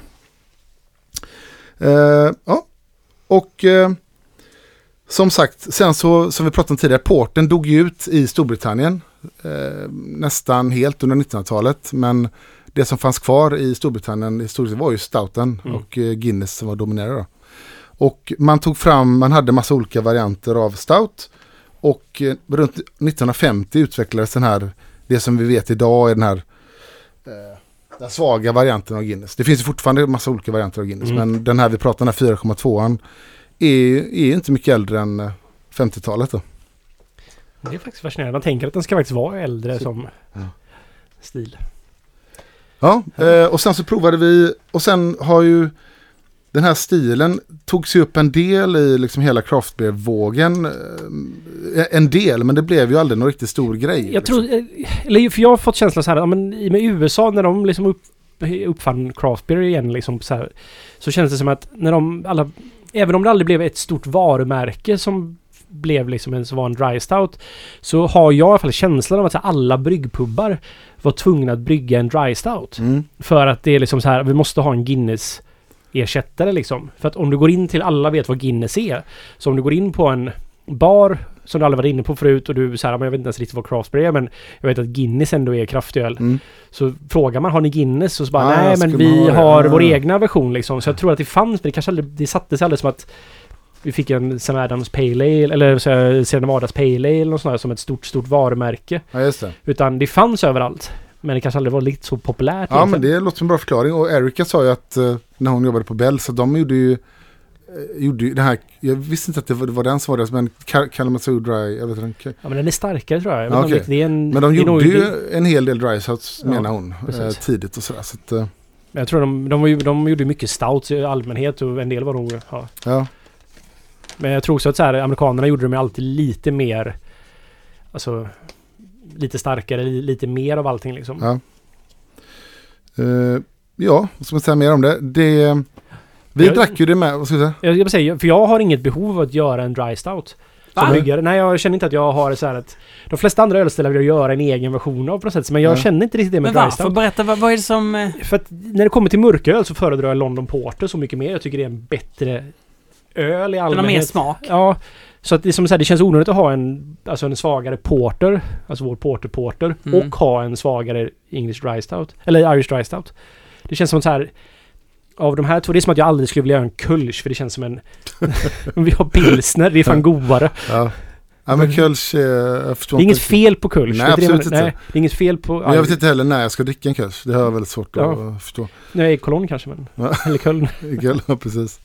Men eh, det jag glömde säga bara, när, sen så gick ju Guinness över till eh, det som är klassiskt idag, en, en dry stout, är att man pratar, det är rostat korn, det är inte eh, mal, rostad malt. Så att man, man en, gick ju från sen också den eh, svartmalten Ja. och gick över till rostat korn. Är det inte också en grej att man har det här med att vara lite inåt, att man också använt adjunct liksom? Man har använt så flake Jo, barley och... Det är alltså- ganska hög andel eh, kornflingor i. Ja, precis. Mm. Och det är ju det är omältat då, så det är ju en Omältat, ja. adjunct. Precis som rostat korn är liksom att det är, det är inte riktig malt för den är ju inte... Den är ju bara rostad, inte mältad. Ja men precis. Ehm, och sen lite ro- rolig, så här, rolig story kring, eller intressant för bryggare tänker jag att ehm, det finns ju i, i dry stout så finns det ju en, den här lite syrliga bettet som kommer, tänker man alltid, och oftast kommer det från det rost, rostade i kombination med vattenbehandlingen och, och även beskan då, men att den blir lite så här syrlig edge på det. Eh, jag pratade med Thomas Bingebo som jobbade i, hade Just han som på Oceanbryggeriet, han jobbade på eh, Irland. Och eh, jag var där och besökte honom när han var på en bryggpub som heter Mrs. Maguire. Det här var 99 eller 98. Han berättade att Guinness tillsatte, man kan till, för att få den här edgen så tillsatte man mjölksyra. Eh, och förmodligen innan det eh, surmäsk helt Mm. enkelt för att få till syran då, för att få upp syran lite grann. Men att förmodligen var det kanske krångligt med surmäsk så man tillsatte ren mjölksyra. Han menar att det här slutar man med för, jag vet inte exakt kanske när, men 10-15 år sedan. Och, och Bingebo påstår, och jag lite, han kan faktiskt brittiska också jävligt bra. Han säger ölet ändrades ju jättemycket Ja. när han tog bort det. Eh, och jag vet inte om du har någon sån känsla av att ölet har förändrats senaste tio åren, men eh, Alltså nej, eller... Jag hade en sån, men det var nog bara att man blev mer uppmärksam på öl i allmänhet. Alltså Mm. här, det var ju ändå bit innan jag började så här, jävlar vad Guinness inte smakar någonting. mm, Den kommer jag ändå ihåg att jag hade som en så här, ja det här är ju verkligen som att dricka kol, eller knappt kolsyrad vatten liksom. ja, det är otroligt Ja. lätt är det ju liksom. Men alltså, jag skulle kunna tänka mig att det finns en förklaring om de började typ så här, om de andra använde sig, om de tillsatte då, de körde som brunnsvatten eller kommunalt vatten eller liknande till bryggeriet.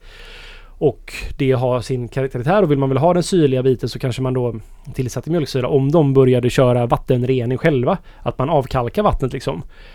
Då försvinner ju buffert Mm, då okej. kanske du inte behöver tillsätta mjölksyra för att på pappret nå det pH du är ute efter liksom.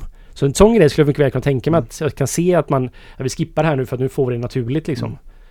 Och att det kanske faktiskt gjorde en del med ölen. Ja. Men jag skulle nog tänka att vattnet i sig då gör mer med ölet än själva mjölksyran egentligen. Men han menade också att det var utbrett att göra det och han kände ju bryggare runt om på Irland. Så han gjorde det ju själv, tillsatt mjölksyra på Mrs Squire och även Dawn tillsatte det där han också hade jobbat, eller där David Jones jobbade det. på Tipperary. Så att det är lite en, eh, det läser man inte, eller jag har inte läst i alla fall, så här hembryggarrecept Nej, det har jag aldrig att man skulle kunna tillsätta faktiskt. det. För att få, få upp, få upp eh, syran lite grann.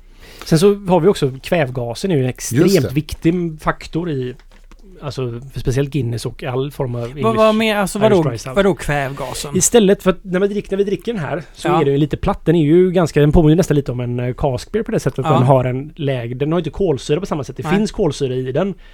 Och den här liksom patronen som finns i den här burken är ju en kvävgaspatron. Och man, de uppfann Guinness. Jag alltså- tror att det var de som, de har säkert, jag tror att de har patent eller hade i alla fall på den här lösningen. Ja. Jag vet inte, jag vet Men inte hur jag- den funkar. Jag vet inte, det här kanske jag bara hittar på nu men jag för mig till och med att Ing, alltså Guinness uppfann det moderna kransystemet. Med stålfat som man puttar upp Ingen aning. jag, jag, jag, det här kan vara helt fel men jag har fått för mig det i alla fall så att jag vill bara lägga in det. Men att, att de då uppfann, eller så här att för att liksom efterlikna då eh, cask ale så använder man istället för koldioxid så använder man kvävgas. För att få den här liksom inte så kol men fortfarande få liksom ett, någonting som trycker upp det och sådär. Och det, det, det lyckas de ju faktiskt med tycker jag Mm. med kvävgasen. Att det får ju mycket... Det som är gott med en cask ale är att det är ju en mycket rundare ton i den för att den inte har den här vassa kolsyran Ja. som stör. Så den blir lite, ja, lite mjukare liksom. Så jag, det, jag tror det är det som den ska efterlikna kvävgasen. Ja. Att vi- det ska efterlikna alltså eh, artificiell cask ja, liksom. jag. Okej. Ja. Mm. ja, så eh, Det är väldigt roligt när man skriver att det är en draft stout på en burk. på en burk. ja. Kranöl på burk. Ja, precis. Och eh, ägs idag av Diageo, det är väl världens största så här, alkoholkoncern. En av de Eh, största i vart fall. De äger ju väldigt mycket spritföretag. Ja. Jag. Och säljs av Carlsberg i Sverige då. Ehm, vi provar, eller ska vi säga. Nej men jag skulle säga att, att, att Guinness är ju fortfarande ett väldigt starkt varumärke. Ja. Eh, Jag vet inte, och det- säljs inte så mycket på Systembolag, men jag antar att det går ganska bra på krogar ändå. ja, fast jag vet inte hur det går nu men jag vet ju att Guinness hade ju problem med minskad Guinness-försäljning worldwide eh, Ja. under, under lång tid. Och det var då de började släppa, jag vet inte om ni minns det, det fanns, det kom när jag var på Irland minns jag, slutet på 90-talet, eh, Guinness Extra Cold. Så hade de extra kran på krogen som var, och den var, jag tror den uttemperatur på två grader liksom. Så Det är ju typ farligt kallt. tänderna fan knäckte till nästan när man drack den liksom. För att det skulle smaka mindre. Det här är bara min uh, killgis- gubbgissning. Eh, Du och jag får gubbgissa inser jag och, Olle får killgissa. Eller Ja, ja, absolut. är att de kanske slutar också med mjölksyran för att göra den ännu mer, om de nu hade den för att ge en twang, Ja, blir ännu lättare Mm. och mindre komplex om man tar bort den. Jag vet inte. precis. Så att de har ju kört jävligt mycket för att försöka få Mm. tillbaka folk. Sista åren har de lite grann gått tillbaka till sitt ursprung och har återlanserat en del gamla klassiska Guinness-recept på flaska. De har kommit de här Ja, just det. West Indies Porter och Mm. nya varianter av Guinness. Mm. Men jag vet inte hur det går worldwide, ingen aning. Eh, Mm. Och så- Vi, ja, Så vi provade ett par andra också. vi gjorde ju provade det. Sotholmen från Nynäshamn. Som eh, jag tror att vi gillade bäst va? Jag tror vi alla tre gillar den bäst va? Ja. Det var ju lustigt, vi hade ju fyra öl så det var en var ju Guinness så den tog man ju väldigt... Lätt att den Ja, var så när vi bland. insåg bara att jag hade tog en annan ordning än vad ni tog. Ja. det var lite förvirrande ett tag. Ja. Nej men den var ju solklar vilken det egentligen var av dem. Och så kommer jag ihåg att ettan och fyran smakade... Man, man kände att det här är, det här är craft beer liksom. Ja. Det här var en tydlig... Det är väldigt tydligt när man dricker mörk öl tycker jag vad som är craft beer och inte craft beer. För att man får så mycket tydligare rostad ton. Mm. Och så var ju då Nynäshamn med Sotholmen. Ja. Och den, den trodde jag var ett storbryggeri faktiskt. Men det var också den som smakade absolut bäst. ja, och den hade lite mer karaktär. Så att om man Mm. tycker att Guinness är inom klassen för tråkig så är Nynäshamn svinbra. Eh, Men den var så ren, den var så Ja. snygg på något sätt. Liksom. Ständigt denna Ja, Nynäshamn. exakt, exakt. Ja, och jag saknar, jag måste bara säga, Sotholmen Extra Stout. Ja, den var fin. Den var... Eller är fin, den kommer väl fortfarande någon gång per år. Jag har inte sett den på väldigt länge. Mm. Och sen hade vi eh, Närkes eh, Dublin, eller hette deras. Ja, ja, ja, precis. Och sen hade vi eh, Eskilstuna. Eskilstuna. Dry Stout. Mm. Och sen så provade vi ostron till och det här, bara för att du hatar ju havsmat. Men en grej som man tänker så här, vi pratade här med myter kring Guinness och sådär. Och en, en story som, som inte är en myt, för det finns beskrivet i så här Dickens och sånt, hur i London, som hade väldigt mycket så här ostronbankar utanför staden, eh, att, och det var ju fattigt, det var inget fint från början, ostron. Och så the port jag tror man drack porn. du fattar inte hur Marta. Men Man åt, eh, man åt ostron, det var liksom åt ostron och, och drack port. Det var ett, liksom ett billigt sätt att hålla sig mätt. Liksom, för, folk, för arbetare och sådär.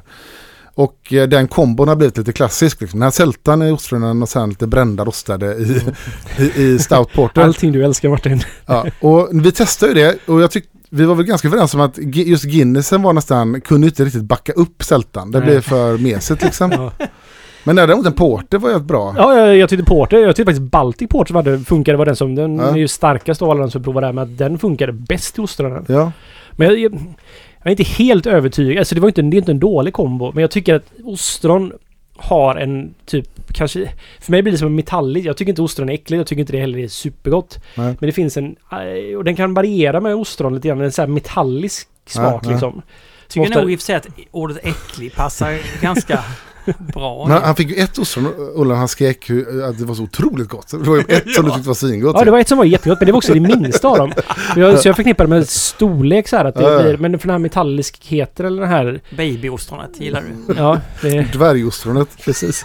Men Men det, det, skärde sig väldigt mycket, det skär sig väldigt mycket med ölen i allmänhet. det, ett fint ögonblick var ändå när jag försökte döva tångsmaken med mer porter och du sträcker fram eh, Remmalövs eh, Spring Ale. Ta det här istället. Det, det, kommer, och det, det hjälpte ju mycket bättre Ja. för det var lite mer Mm. klös i den. Mm. Och sen så fick eh, Olof, Kanman-Olof, hjälpa oss att öppna ostronen fast vi bor på västkusten. här. Det var lite fånigt. han är från Umeå. Ja, han är från Umeå. ja. Nej men jag första gången jag någonsin öppnat ostron. Ja. Ja, Jag vet inte riktigt varför jag skulle prova att göra det innan i och för sig. Eh, ja. Eh, till nästa gång. Mm. Vi Ja. ställde ju en fråga i eh, vår ölgrupp på Facebook, Ja. Ölpölen-gruppen. Som man väldigt gärna får gå med i så finns det lite mer allmänt kött i den liksom. Mm. Men där frågar vi vad folk vill ha för nästa avsnitt. Ja, och det återkommer ju någonting ganska ofta. Jag tänkte, men det här är väl inget, vad är det här för någon jättesmal kategori? Men ni sa bara så här, jo, men det här, det här ska vi ta upp. Ja, det, det visar ju vilka otroligt bra lyssnare vi har. Ja. Den högre kvaliteten på lyssnare vi har. Ja. Faktiskt. Eftersom de vill ha skotsk ale. Många. Skotsk, så skotsk ale är alltså det vi ska ta upp nästa gång. Ja. Jag, jag, jag är supernyfiken på det här, jag vet ingenting. Jag tycker det är jättegott med skotsk öl men jag kan f- fruktansvärt lite. Så det ska bli lite roligt att faktiskt researcha. För jag har varit... eh, Alltså när det kommer till brittisk öl så är det som att säga, men jag vill kunna mycket. Men så kommer man till Skottland och bara så här... Nej fan det tar stopp här nu. Jag, det här blir för komplicerat liksom. Det blir Ja, för... och det är komplicerat och det beror på vilken så här, tidsspann man ska definiera skotsk eh, ale. Ja. Det är lite samma där idag att det finns mycket eh, ny, Alltså det är svårt att säga att Brewdog skulle göra något typiskt skotsk ale, det gör de ju inte. Men det finns många bryggerier som ändå gör det som man kan, traditionellt kan kalla för skotsk ale. Dock finns det inte mycket på bolaget men det finns en som Brewdog gör. De, har gjort, eh, Ja. de gör en Kings Shilling Brewdog. Kings Chilling, finns den i alla bo- Den bolag? fanns på många bolag. Och eller? sen Kings Chilling. får man jättegärna köpa, den finns på en del bolag. Eh, Tracare House, Just det. Jacobite Ale fanns. Ja. Är det också... v- v- v- Det är också en skotsk i, Ja- House är ju klassiskt skotsk bryggeri. Mm. Och den här Jacobite är ett öl som är smaksatt med koriander faktiskt. Men vadå, är det här, är det här Ah. bäst? Vilken, vilken av de här två ska jag välja? Eh, Man ska i första hand ta Brewdogs Kings Chilling men man får Ja. jättegärna köpa även eh, den. För den finns på en del bolag. Eh, Tracker House Jacobite. Det är väldigt, väldigt, det är väldigt spännande. Mm. Ja, eh, jo så här är det att vi har ungefär eh, 150, jag tror det är 116 patrons just nu. Mm. Jag skulle säga att det är ju ändå en 870, 85 mindre än vad Flashback Forever har. Inte på något sätt att vi behöver jämföra oss med Flashback Forever. Men jag tänker så här att när vi, vet, vet ni vad som händer när vi kommer upp till eh, 150? Alltså det är så här trigger va? Trigger. Eh, då gör jag ett litet specialavsnitt.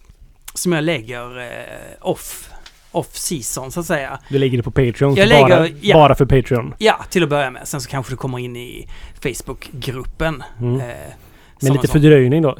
Så det blir Absolut, man för... ska, man ska känna en viss exklusivitet. Jag kan samtidigt förstå den kommunistiska tanken, alltså att alla ska få sjukvård. Nej, bara de som betalar. Nej, alla ska få sjukvården. Det här är ju en typ av sjukvård. Och alla ska få tillgång till den. Mm. Så att vi, vi ska göra det tillgång, men några ska kunna betala sig före, så att säga, i Du systemet. får vänta lite längre bara. De. Ja, ja.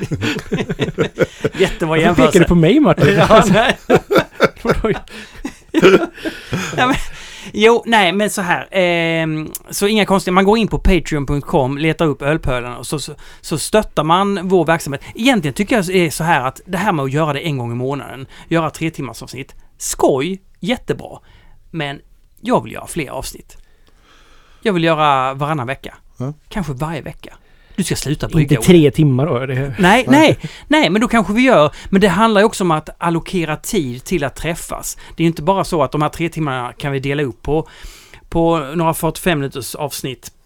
Utan vi ska ju träffas varje vecka då. Du ska sluta brygga öl, Erika tar över. Det är perfekt. Allting bara blir en ölpöl. Mm. Så, så gör vi så tycker jag. Eh, så har vi en... Vi har någon typ av målbild, vi har en framåtfart. Eller har jag fel? Jag Nej, det är ha bra. fel. Det är bra. Det är bra. Ja, jag lyssnar faktiskt inte riktigt. Jag kollar på Facebook men det, det blir säkert jättebra. Eh, det var bra. Det var bra. Tack så hemskt mycket Ina eh, för att du klipper detta. Eh, och tack för att ni köpte så många t-shirtar också. De, de skickar vi ut idag, Idag? fredag den... Ja, och när du 15 lyssnar på det här maj. så har du redan fått det. Ja, Den. precis. Den blev svinbra. Alltså jag är så nöjd med själva tröjkvaliteten. Ja, det blir fint blir det. Den blir jä- och den här röda, jag trodde den röda skulle vara mycket fulare. Jag Mm. ångrar att jag inte köpte 15 av den röda för att den, den var ju mycket snyggare än på bilden. Är- Ja, den, blev, Ja, den svarta får- och röda blev riktigt bra. Den. Ehm, och så ska man... Man ska gå med i Svenska Ölfrämjandet. Så får man Maltesen. Och så stöder man en bra förening. Mm, hörs vi om en månad. Yes.